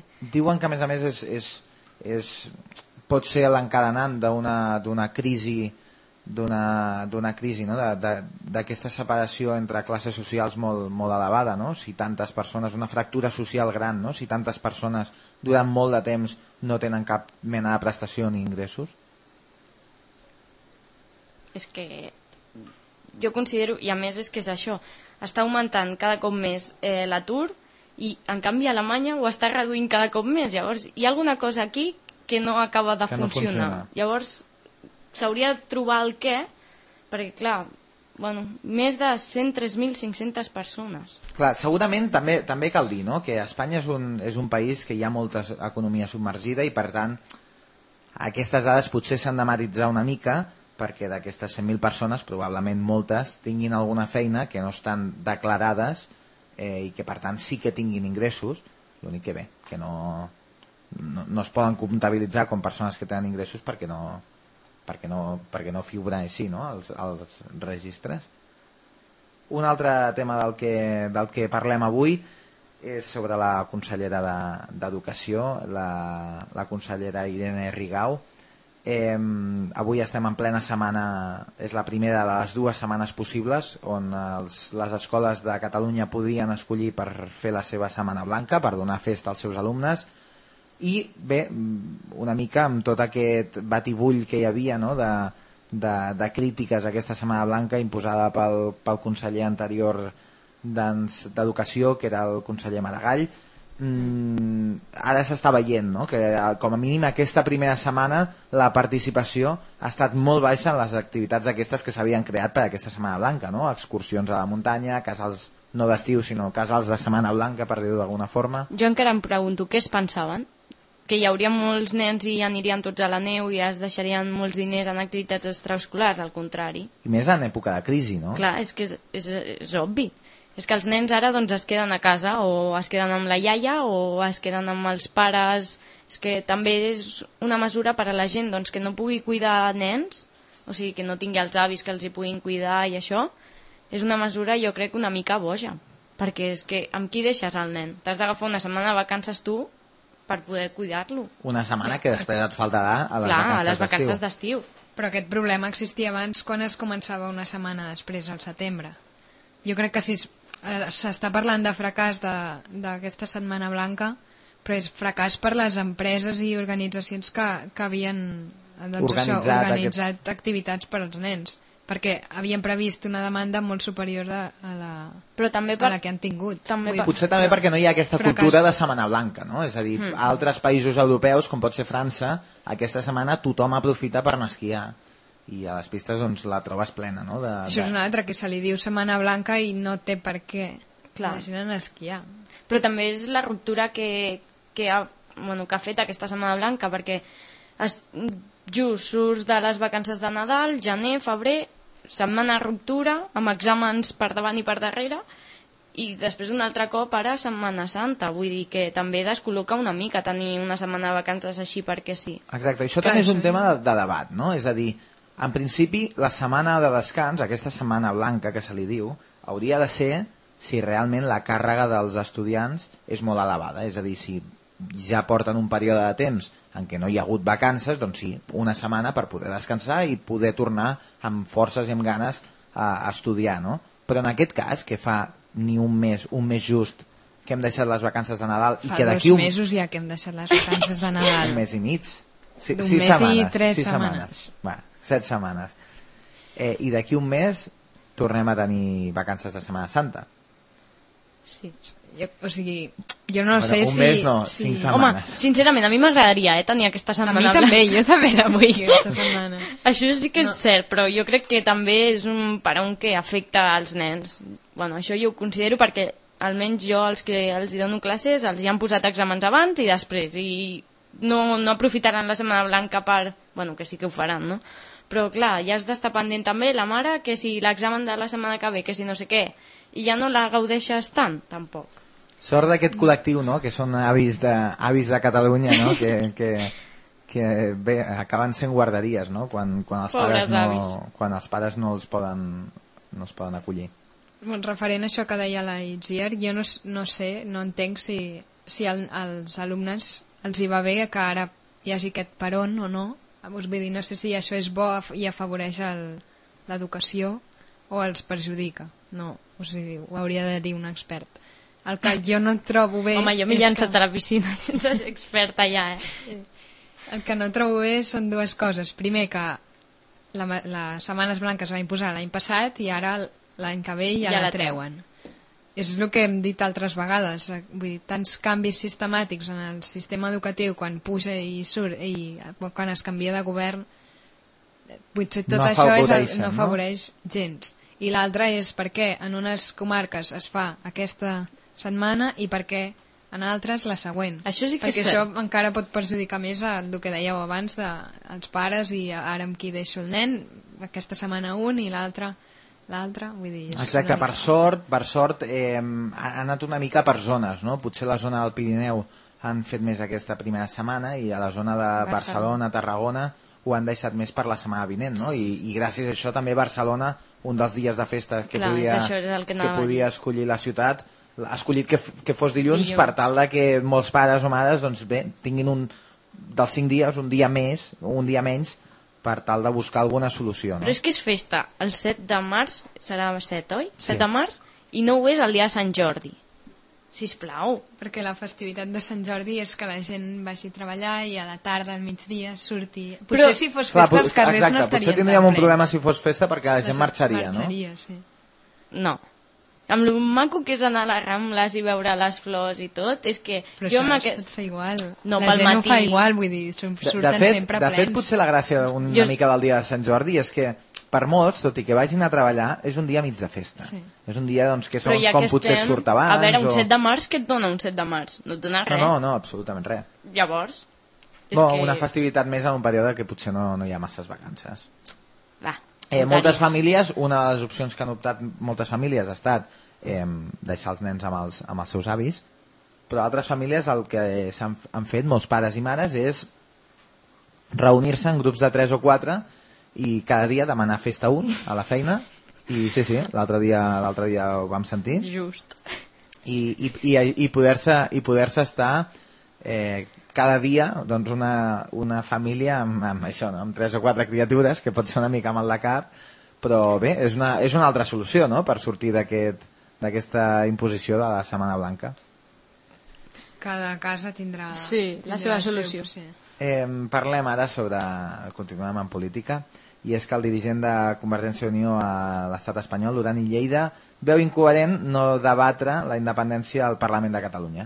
És a dir, ell considera si a tots els pobles i ciutats de Catalunya pràcticament tots els partits estan d'acord en que es, en què celebrin aquest referèndum sobre la independència i, i fins i tot els polítics van a votar i estan i molts diuen el seu vot a favor a, a aquesta independència, per què no el Parlament, que és la representació del poble, no es pot debatre no? aquest, aquest, aquest fet? Doncs perquè no ho volen, Clar. perquè es queixen quan al Senat es- s'imposa la, la traducció simultània, perquè som catalans i ells són espanyols.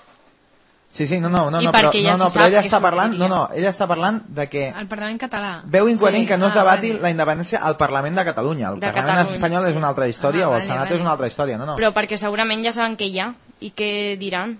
Si és que s'ha parlat mil cops, cadascú ha dit la seva ja. Sí, Per però potser en una votació al Parlament de Catalunya podríem veure més més a d'una forma més clara, no? Eh, Però quina és que- és...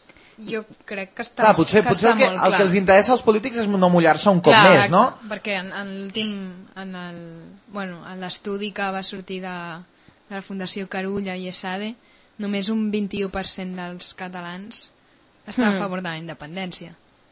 Clar, Convergència ha tingut molts vots i ha abarcat molts vots de gent que no és independentista. I de gent que, també, que ho I de és. gent ho que és. també ho és, però crec que en major part no. Les, o sigui, jo crec que és l'interès de no fer-ho és dels polítics, perquè perdrien molts vots. No, i que... A veure, el que cadascú vol, per exemple, CiU doncs volia eh, el concert econòmic. No va dir en cap cas que volia la independència.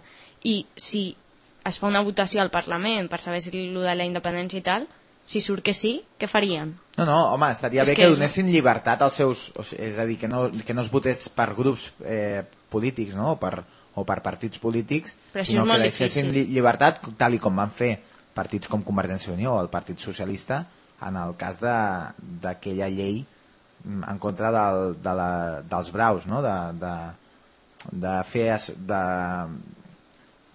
de fer festa de, de, les, de, de matar un, a un brau, no? Eh, I és una mica el que reclamava Josep Antoni Du- Duran i Lleida, que ell clarament ho ha dit, no està a favor de, de la independència, està a favor d'un estat confederal.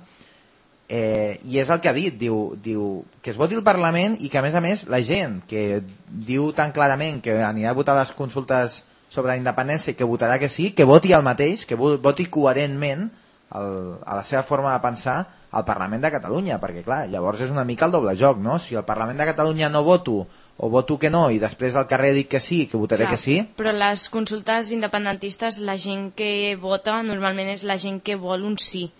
A veure, la gent que vol un no diu per, No, no, exacte, per què però, no? però bé, llavors ens podríem trobar eh, Artur Mas, president de la Generalitat de Catalunya, de Catalunya, ja ha dit que votarà i que molt probablement votarà que sí. Li falta Mm. Explicar-ho explicar-ho prou bé i també Oriol Pujol, secretari de Convergència i Unió, també.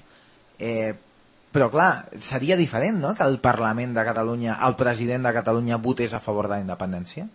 Seria un fet històric, de fet. Sí, què faria? Sí, clar, No, no. Si votes que no al Parlament vol dir que has de marxar de, de Convergència. Vull dir, perquè pots, sí que pots sacrificar a vegades alguns ideals en el si del partit, però clar, potser aquest és molt important i com per renunciar-hi.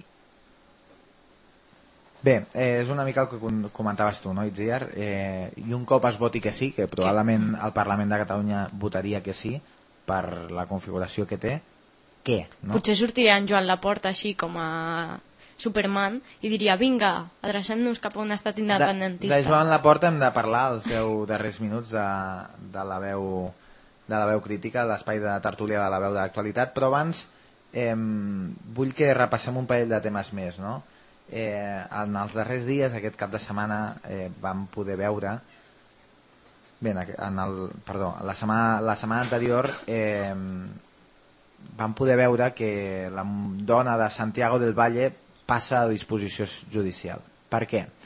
Explica'm una mica el tema. Va haver-hi un assassinat de Ma- Marta, Marta del Castillo fa, fa uns anys i mm, Santiago del Valle estava bé, havien, l'havien estava en procés judicial, la seva dona, que és la que ara ha passat a disposició judicial, sempre havia dit que el seu marit no era culpable, que era culpable la germana del seu marit, eh, i sorprenentment a un programa de Telecinco, que Telecinco sempre sempre Arana Rosa. Sí, exacte, el programa d'Anna Rosa, Telecinco, que sempre li agrada fer escarni sobre aquests temes de societat. No, que em sembla que has dit Anna- Marta del Castillo. Sí. És Mariluz. Mariluz. Pa perdó, pa- eh, sobre l'assassinat de Mariluz. Mm. Mm, van aconseguir en aquest programa en directe que aquesta dona, la, la dona de Santiago del Valle, declarés a la televisió que sí, que realment havia estat el seu marit. I va explicar tota la, la història, fent veure que estava una mica afectada, Va però ser va, va explicar la història. I justament després eh, el jutjat doncs, va decidir que, que, La imputava. que, que la imputava i, i que a més a més de passar a disposició, a disposició judicial mm, ara, avui, a dia d'avui ja està a la garjola no? mm, considereu que s'ha de fer espectacle d'aquests fets perquè llavors podríem veure dissabte a un altre programa de Telecinco la, no, la Nòria que el Segur. pare d'aquesta d'aquesta assassinada eh, estava allà que clar, jo em preguntava, ostres, aquest home, després de veure això, com, com ha pogut venir aquí? Però és que després ho vaig pensar, clar, és que deu cobrar una milionada per, per, per estar en aquest programa, no? Òbviament, van passar mm, no sé quantes hores amb, amb Isabel García, que és la dona de Santiago del Valle, i jo crec que va ser indignant. Mm, Ana Rosa, que a sobre ha aconseguit el TP com a millor programa de reali reality d'aquests, eh, a sobre que o sigui, estava la, crec que era la cap de redacció la que estava amb, la, amb aquesta senyora i just li anava fent les preguntes i li anava dient al càmera grava, grava, grava mentre la, mentre la dona li deia no, no quiero que grabéis, no quiero que grabéis i la periodista dient grava, grava, tu sigue grabando jo em vaig quedar flipant, en sèrio Però és que lamentablement és el que, és el que busca, no? Que és, i, I per això Telecinco és líder d'audiència des, de fa, des de fa ja uns quants anys, no? Busquen aquest sensacionalisme una mica sobrepassant els límits de, del que és ètic, no? O del que és moral. Però és el que busca perquè és el que li reporta beneficis. Vull dir, ells la seva feina la Hmm. fan molt bé. Llavors, està molt bé tirar-los les culpes a, a ells, però potser el problema està en la societat. Perquè la- arrasen les audiències Telecinco. Exacte, i per tant, a, a estudiants de periodisme, com sou o heu estat vosaltres, què, què, què en penseu no? sobre, sobre aquest fet? No? És a dir, si, si algun dia eh, treballéssiu per una empresa d'aquestes, no? o, per, o per Intereconomia, no? que és una altra, que és una altra, és una altra cadena de, de televisió que també no, no és potser tant com Telecinco, simplement més eh, d'una ideologia més radical. No? Clar, a vosaltres us farien treballar sota aquests preceptes, sota aquestes línies generals, no?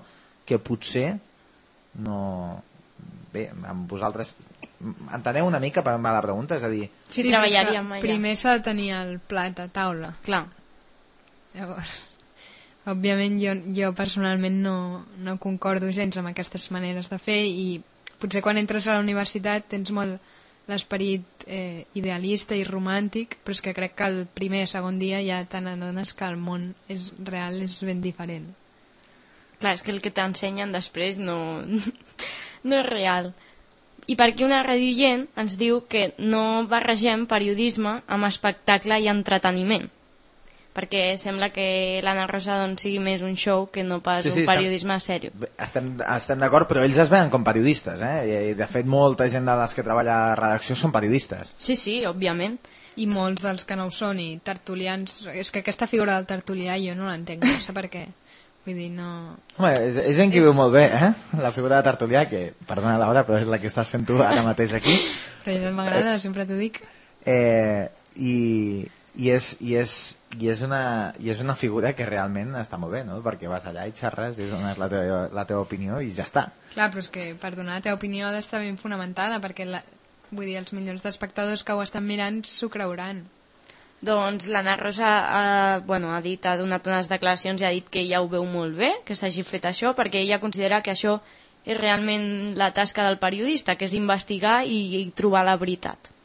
Clar, Bé. però no lucrar-te, no?, de fer això. I, Exacte. I la senyora Ana Rosa surt sempre a la PM dient que la, la Belén Esteban és una de les mujeres més intel·ligentes que he conocido.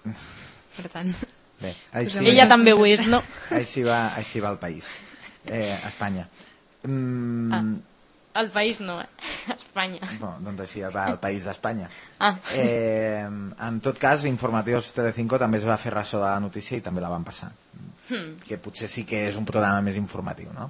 Eh, deixem, ja, deixem ja aquest tema. Volia que com a estudiants o com, com a periodistes doncs, donéssiu la, la vostra opinió sobre, sobre aquesta forma de fer, no? que és la, la forma que té en els darrers anys Telecinco.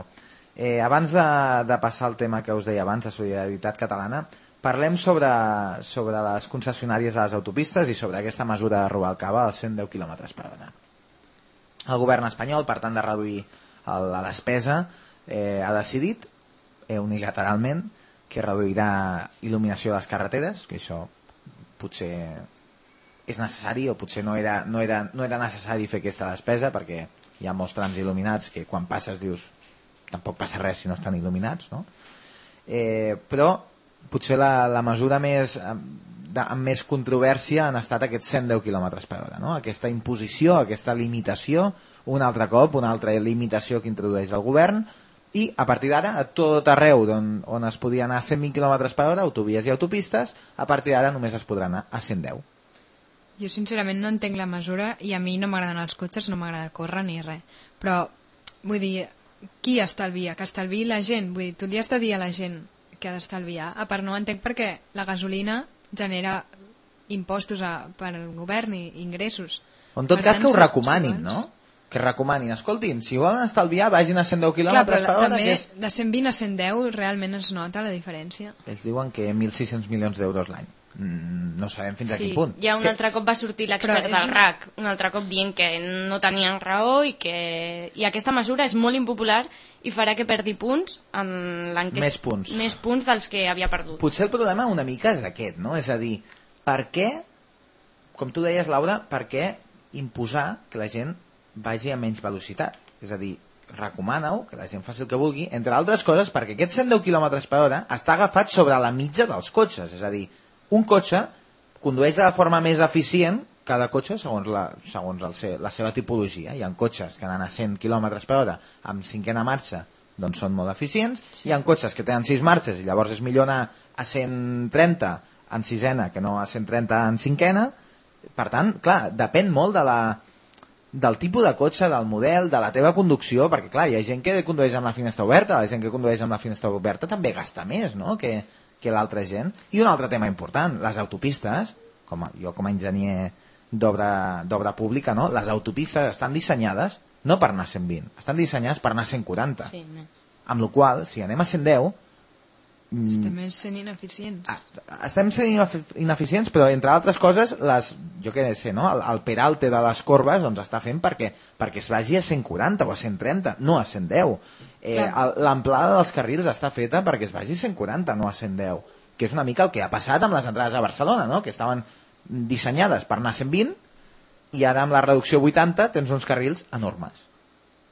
Que, Per què et gastes mica? tants diners en fer una carretera tan bona, no?, si després no la pots utilitzar Exacte. com seria.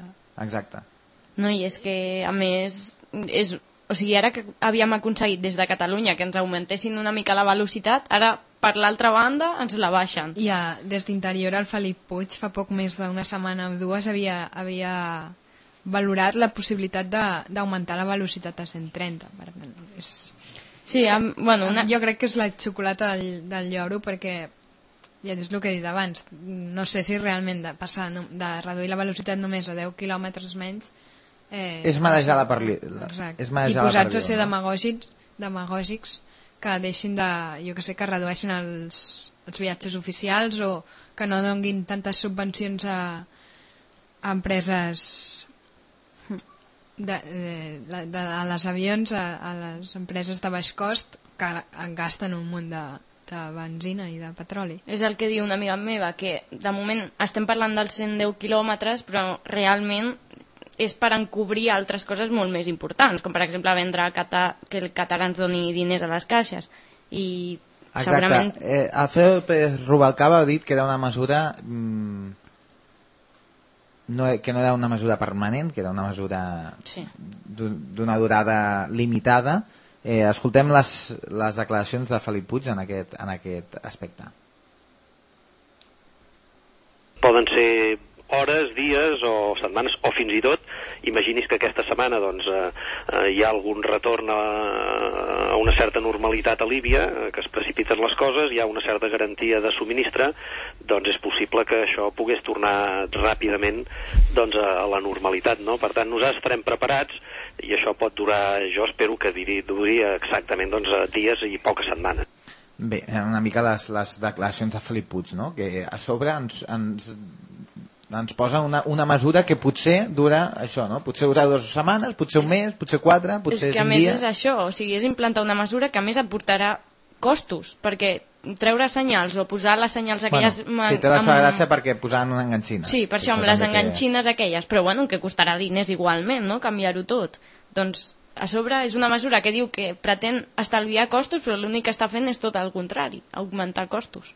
Vull Clar, dir, si l'objectiu és que la gent paradox. gasti menys benzina, vol dir que l'Estat rebrà menys ingressos a partir dels impostos. Jo és que no l'entenc. Exacte. Eh, bé, eh, i passem ja a la- a la- a l'última notícia. Solidaritat Catalana, com hem dit abans a les notícies, hem, ha votat i ha, amb un 70% ha decidit que es presentarà a les eleccions municipals, en especial a Barcelona, com a única força. Eh, perdó, eh, sense coalició amb altres, amb altres formacions, com podia passar a Barcelona, no? amb, amb Esquerra Republicana i Reagrupament, la coalició que ja han fet Esquerra Republicana i Reagrupament. Tot i això, és la pregunta que ens fèiem fa uns temps, quan van passar les eleccions al Parlament, que era des dels ajuntaments, què poden aconseguir ells? Perquè ells el que volen és un estat català, molt bé, al Parlament ho, ho pots aconseguir, però des de l'Ajuntament, com, com ho pretenen fer? Com pretenen arribar al, al seu únic fi, que és l'estat català?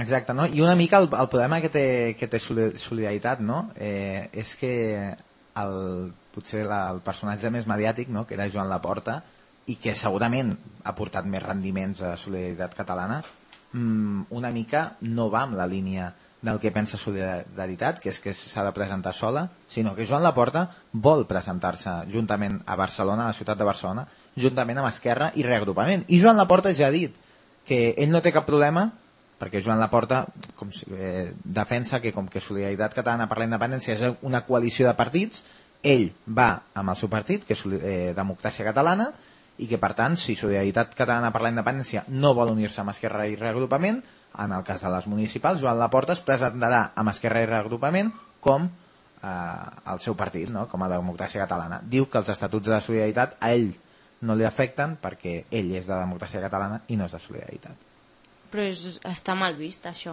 O sigui, si ell ha estat al capdavant de Solidaritat durant tota la campanya electoral a les eleccions al Parlament i ara diu que no, que no es vol involucrar o que no li afecta Solidaritat, home, és una mica lleig. Clar, mala imatge de partit. Això implicaria que hauria de deixar el, la cadira al Parlament i bueno, és també una mica el que va fer l'atura, no? de presentar-se com a número 2 a, a les eleccions generals de Catalunya i després marxar a les primàries.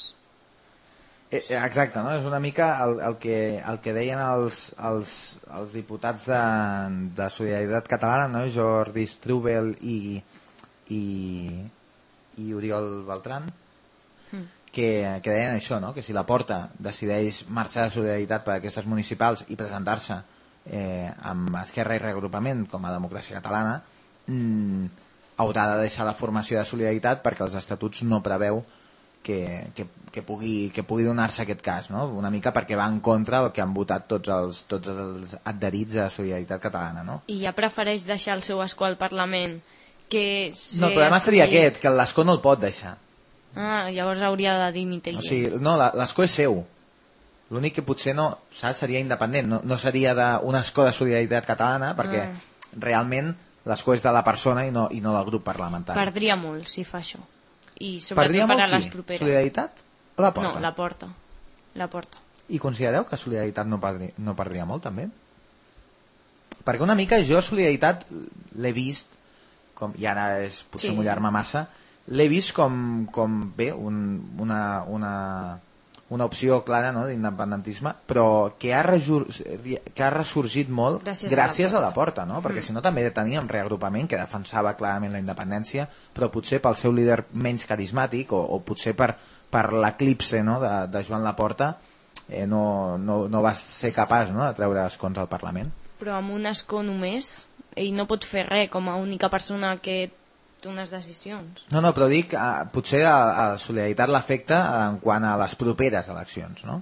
Jo no ho crec pas, potser van utilitzar la porta com a trampolí per donar-se a conèixer, però aquest nom, ara que ja el tenen, potser ja, ja no necessiten a, el Joan Laporta. Sí que sí. No sé, ja ho veurem. Bé, eh, Joan Laporta ja, ja ha amenaçat en trencar amb Solidaritat Catalana si, si no el deixen presentar-se com a Solidaritat Catalana amb, amb, amb reagrupament i Esquerra, que és probablement el que passi perquè les bases de Solidaritat ja han votat que, que Solidaritat s'ha de presentar sola. Eh, res més, no queda més temps avui per, per debatre més temes. La setmana que ve en tindrem, en tindrem més.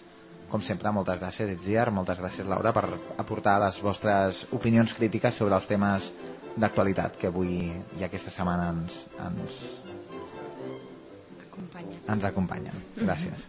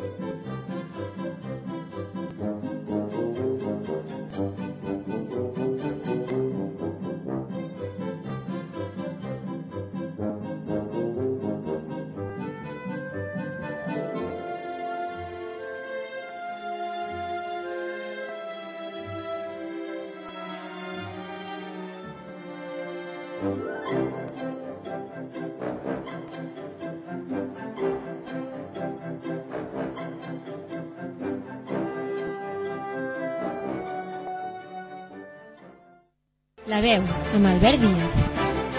La veu que t'informa, imaginativa, crítica, curiosa, propera, la veu que t'apropa a l'actualitat.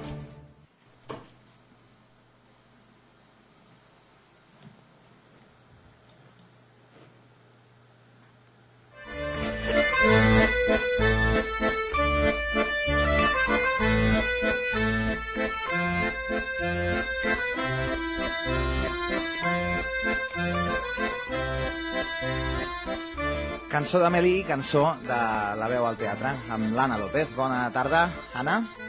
Hola, bona tarda. Què tenim aquesta setmana? Bé, aquesta setmana us porto una estrena, bueno, es va estrenar la setmana passada al Teatre Condal, és el, de fet, qui substituirà a Jerónimo Stilton, i es tracta de Viscar els Nubis, una obra protagonitzada per Joan Pere i Amparo Moreno. Bueno, de fet, és el, el retrobament de Joan, de Joan Pere i Amparo Moreno. Eh, a més a més, eh, Joan Pere és qui ha adaptat aquesta obra, bueno, tracta típic matrimoni que porta moltíssims anys junts, i bueno, amb els seus ets i els seus uts, mm, bueno, lluiten per entendre's i, i, bueno, i per respectar-se dins de l'estima. Està marcada en un context de la Guerra Civil, Segona República, però tot això passa de fons. No és el tema principal, i bueno, acaben una mica com aquella la Pepa i l'Avelino, aquests escenes de matrimoni, Exacte, sí. però recorda força, a més a més, eh? i es veu que també està inspirada una mica en un I Do I Do, que era un, un musical de Broadway, però la veritat és que té la seva gràcia. O sigui, hi ha moments on tothom ens podem sentir identificats, encara que no tinguem la dels protagonistes, però bueno, hi ha disputes molt habituals en qualsevol relació de parella. Una obra que, com has dit, substituirà a Jerónimo Stilton, el musical aquest fet per petits i per grans de, de la productora Focus, eh, Exacte. al Teatre Condal, que ha tingut més d'èxit del que s'esperaven, no? Perquè l'han prorrogat fins a finals de març i encara, encara aquests dies eh, omplen el teatre. Sí, de fet, eh, l'han prorrogat, si no m'equivoco, quatre cops, però ara ja sí que s'ha confirmat que el dia 27 de març s'acaba. O sigui que els que encara no us heu, costat, no us heu acostat al Conderador a Jerónimo Stilton, animeu-vos perquè ja us queden poques oportunitats. Que aprofitin. Què més tenim aquesta setmana? En segon lloc, em sembla que ja us ho vaig comentar, però us ho torno a recordar perquè la setmana que ve ja és l'última que està en cartell. Eh, Fer deu lugars, una obra escrita i dirigida per Iván Morales, tracta d'una parella que trenca. En lloc de la típica història on és, bueno, és una parella que s'estima i tal, doncs. Aquí trenquen i aquí comença la història. Llavors, la història va avançant explicant de quina manera una parella que trenca mm, pot recuperar l'amistat o pot continuar veient-se o no. De fet, eh, bueno, ensenya la història que sempre quan una parella trenca un dels dos normalment per més que l'altre i en aquest cas és en Simó. En Simó, que és el, el noi, des, totalment destrossat, es tanca a casa i fins i tot contracta un, un noi indi perquè ell faci la compra, perquè ell no vol sortir eh, per, per res de casa. Llavors la Bere, que és la exnòvia, descobreix que, escolta, que s'havia perdut moltíssimes coses eh, mentre estava amb en Simó i fins i tot mm, canvia una mica de vorera, prova relacions amb noies... Bueno, res a veure amb en Simó, que està totalment, com dic, eh, destrossat. Una explosió Llavors, sexual, no? Exacte, és una mica de, bueno, aquí no ens ha passat, no?, això de, de dir, vale, ho hem deixat i resulta que un dels dos està de puta mare i l'altre està fatal, no? El que acostuma a Llavors és passar. aquesta. Sí, sí, exacte. Doncs és, és... O sigui, jo la recomano bàsicament perquè és molt fàcil que, que algú se senti identificat. Potser no en tot, però a més a més explica això de, de realment una parella que ho deixa poden ser amics. Mm, no es té del tot clar. Si ho voleu saber, haureu d'anar a la caldera, a Gràcia i descobrir-ho, perquè a més a més, molt barat. Val només 5 euros i en el preu de l'entrada inclou una tapa i una cervesa. déu nhi és pràcticament el que et costa a qualsevol, a qualsevol bar aquí a Barcelona. Sí, sí, exacte, per això aposten per... Bueno, volen recuperar una mica aquest, aquestes funcions que es feien als cafès de París fa moltíssims anys. A més a més, l'escena, o sigui, no, no hi ha escenari i, i, bueno, i les butaques, és simplement unes cadires enmig d'un pis, per tant tens els actors a mig centímetre i de vegades fins i tot et, parla, et parlen a tu. Per tant, jo la recomano moltíssim perquè formes part de la història. déu nhi és, és, una nova, és una nova forma no, de fer teatre. Eh, molt bones Sí, recomanacions aquesta setmana. Què més tenim, Anna? Bueno, ja per acabar, més que una recomanació, és un recordatori. Eh, bueno, ja coneixeu tots moltíssim pel davant i pel darrere, el Teatre Borràs. Van fer un, bueno, una aturada, vale? van, van tenir una altra obra. Una obra que va tenir- tenir molt d'èxit. Sí, exacte, per això de fet és el que et volia comentar que torna. Ara estava ocupat per la família, el- l'homicidio de la família Coleman, si no m'equivoco, i ara, el, a partir del 16 de març, reprenen temporada i continuen al Teatre Borràs per tota aquella gent que, bueno, com tu dius, que tant èxit ha tingut que no ha pogut gaudir d'aquesta funció. Exacte, els podran retrobar al Teatre Borràs amb, la, amb el mateix cos d'actors? Exacte, sí, sí, totalment, o sigui, exactament igual, amb el mateix repartiment, però he de dir que us heu de donar molta pressa perquè les primeres setmanes estan esgotades ja. déu nhi Sí, perquè està tenint un èxit brutal i si no us afanyeu ni a la segona tongada arribareu, em sembla. Bé, bé, molt bé. Eh, doncs res més, no, Anna? res més per aquesta setmana. La setmana vinent us portaré més Més recomanacions. recomanacions de teatre. Molt bé, moltes gràcies, Anna. Vinga, vosaltres.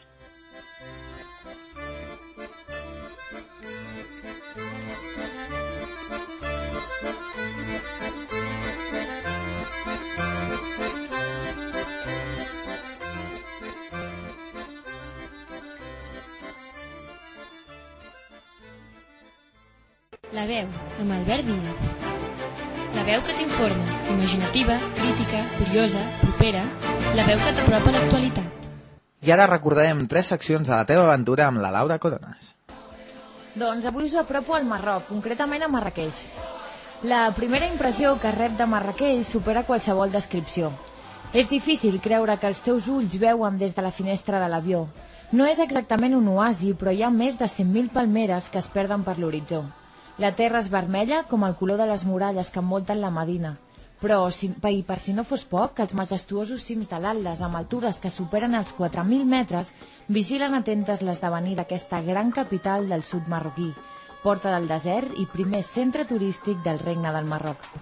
Per a molts, el seu encant es resumeix en un capvespre a l'ombra del minaret de la Cutúbia, observant l'espectacle de la plaça Gemma Lefna, que un cop s'ha post el sol és invadida per comptadors d'històries, malabaristes i encantadors de serps.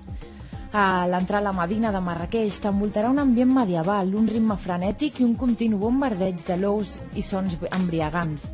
No tinguis pressa per gaudir de l'espectacle i no deixis de veure el soc dels tintorers i el seu perpeta aire festiu. A la plaça Raba Kadima trobaràs el mercadillo dels quilim i tapissos barbers. Marrakeix és una terrible temptació per a tot amant de l'artesania i de l'art de comprar. Es poden trobar tapissos, ceràmica, objectes de bronze i coure, joies, cuir i fins i tot pocions màgiques venudes per bruixes barbers. Al mercat se segueix una sofisticada tradició del regateig, però si no tens paciència ni temps, vés al centre d'artesania o a les botigues de Gelis, la part europea de la ciutat. Davant del Palau Reial s'obre el Jardí d'Atgal, una enorme extensió tancada entre murs on es descobreixen estanys i un sens fi d'arbres de tot tipus. Un dels llocs més populars de la ciutat durant els caps de setmana és el Jardí de la Manara. Al voltant del seu enorme estany es poden veure tot tipus de plantes tropicals. Però el jardí, per excel·lència, és el de l'antiga residència del pintor Majorell, que pertanyia fins a la seva mort al dissenyador Yves Saint Laurent, replet de palmeres, cocoters i bugambílies. De la mateixa manera que Marrakeix és una barreja de cultura i moviments, hi ha una gran diversitat d'opcions on allotjar-se. Per als més aventurers, per només 2 euros podran dormir a l'aire lliure a una de les terrasses que voregen la plaça Gemma Lefna, una manera molt autèntica de viure el Marrakeix més tradicional. Si el que busques és viure una experiència relaxada, apropa't a l'ambient àrab més místic, escollint el Riad Mamounia de 5 estrelles on gaudiràs de tractaments milenaris a base d'olis essencials produïts per professionals amb tècniques curatives i terapèutiques. Així que no ho dubtis, si busques reviure una altra època, conèixer una cultura apassionant i embriagar-te d'olors i edificis milenaris, Marrakeix ha de ser la teva aventura.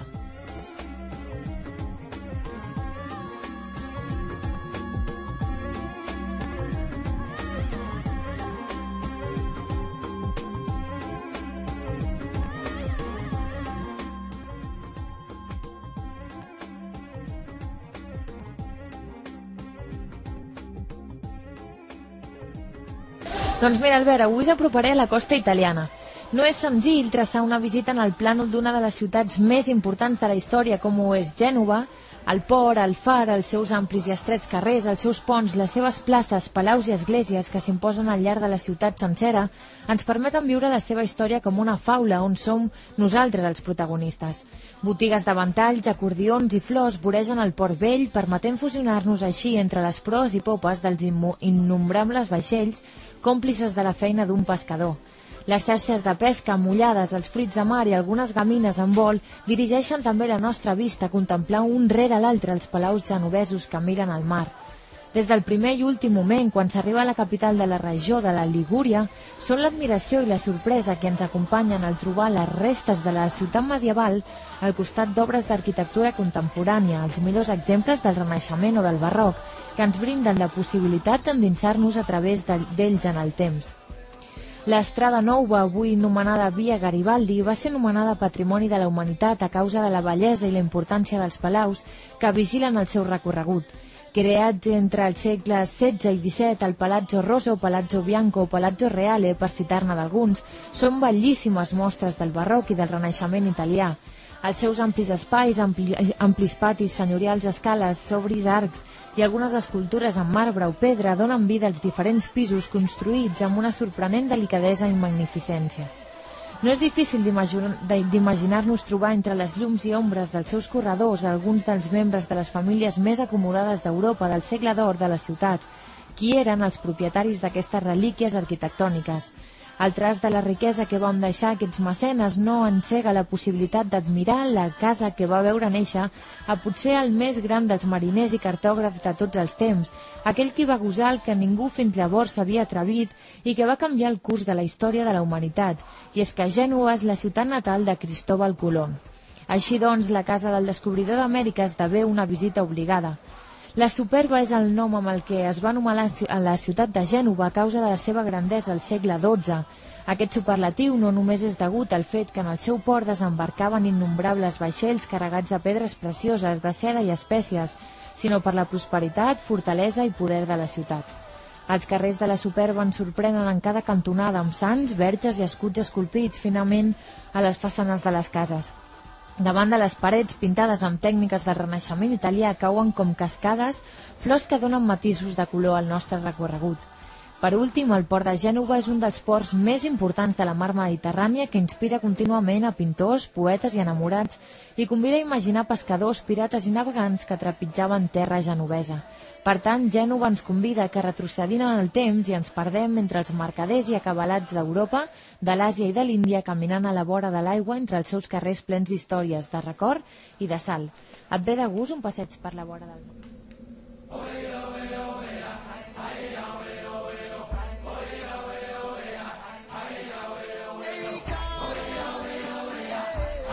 Canviant transversalment de tema, per quin indret, per quin indret ens endinsarem avui a l'espai La teva aventura, Laura? Avui la nostra aventura ens durà les màgiques terres celtes de Gran Bretanya. Terra de mites, tradició pesquera i costes agrestes, les regions de Devon i Cornualles configuren alguns dels paisatges més pintorescs de la Gran Bretanya. Un petit viatge de pocs dies és la millor aproximació a la bellesa amagada del sud-est britànic on la petjada del passat es manté encara intacta i on, ca on cada racó es converteix en el més genuí dels paratges. La ciutat de Bristol va tenir un dels castells més poderosos de l'Anglaterra sota el control de Normanda i des del segle XII ha estat un dels ports comercials més importants del país. En els seus carrers es respira aquesta grandesa efímera que va quedar plasmada en majestuoses catedrals gòtiques i les inconfusibles torres anglosaxones amb rellotges incrustats com la del Tampari Meads. El seu port, constantment atrafegat, és una imatge digna de postal. A pocs minuts, amb autobús, arribem a Clifton, reputat pel seu espectacular pont penjat que apunta sobre l'estuari del ric Severn. Els pujols que brollen de les seves ribes desborda una fertilitat gairebé inhòspita que contrasta amb el cel permanentment gris. Després d'un trajecte de gairebé dues hores amb tren s'arriba a la següent ciutat, Exeter, la capital del comtat de Devon. La finestreta del tren es converteix en el millor aparador de granges angleses, pujols verds tacats d'ovelles o vaques i prats infinits que desapareixen en l'espesa boira de la freda alba. Exeter és la més castissa fusió d'antiguitat i modernitat. Les muralles romanes o la gran catedral normanda es fonen amb les façanes d'estil Tudor d'època victoriana i l'emergent modernitat arquitectònica. La vasta naturalesa es respira pels camps que s'aprecien des de qualsevol punt de la ciutat. A només una hora en tren d'Exeter es situa Newton Abbot, la major ciutat pròxima al Parc Nacional de Dartmoor, un espai de gairebé 1.000 quilòmetres quadrats de terra erma i granit que compta amb un gran nombre de tors, pujols granítics, que configuren rics jaciments arqueològics. Els altells perpetus de Conan Doyle van convertir en l'escenari de l'inspector Holmes, que trenquen amb el paisatge dens i vivaç de la resta de la zona. Una altra visita obligatòria és Marasion, on el dia comença abans de la sortida del sol, quan els pescadors habituals a suportar les gèlides temperatures es disposen a pescar. Els vents i les tempestes que visiten la costa, els esculls i penya-segats imponents converteixen aquesta regió en un malson per als mariners, però aquesta aparent cruesa s'esvaeix quan brilla el sol. Gaudir de platges de gèlides aigües, observar els milers de gavines que volen a la recerca de recer abans pel fred i espectacular vesprejar, descobrir volums, pobles de miners i pescadors. Les terres celtes han estat la nostra aventura d'avui, una terra màgica amb llegendes amagades entre penyassegats i muntanyes despoblades. T'hi atreveixes? De l'esport espanyol, La veu, amb Albert Díaz. La veu que t'informa, imaginativa, crítica, curiosa, propera. La veu que t'apropa l'actualitat.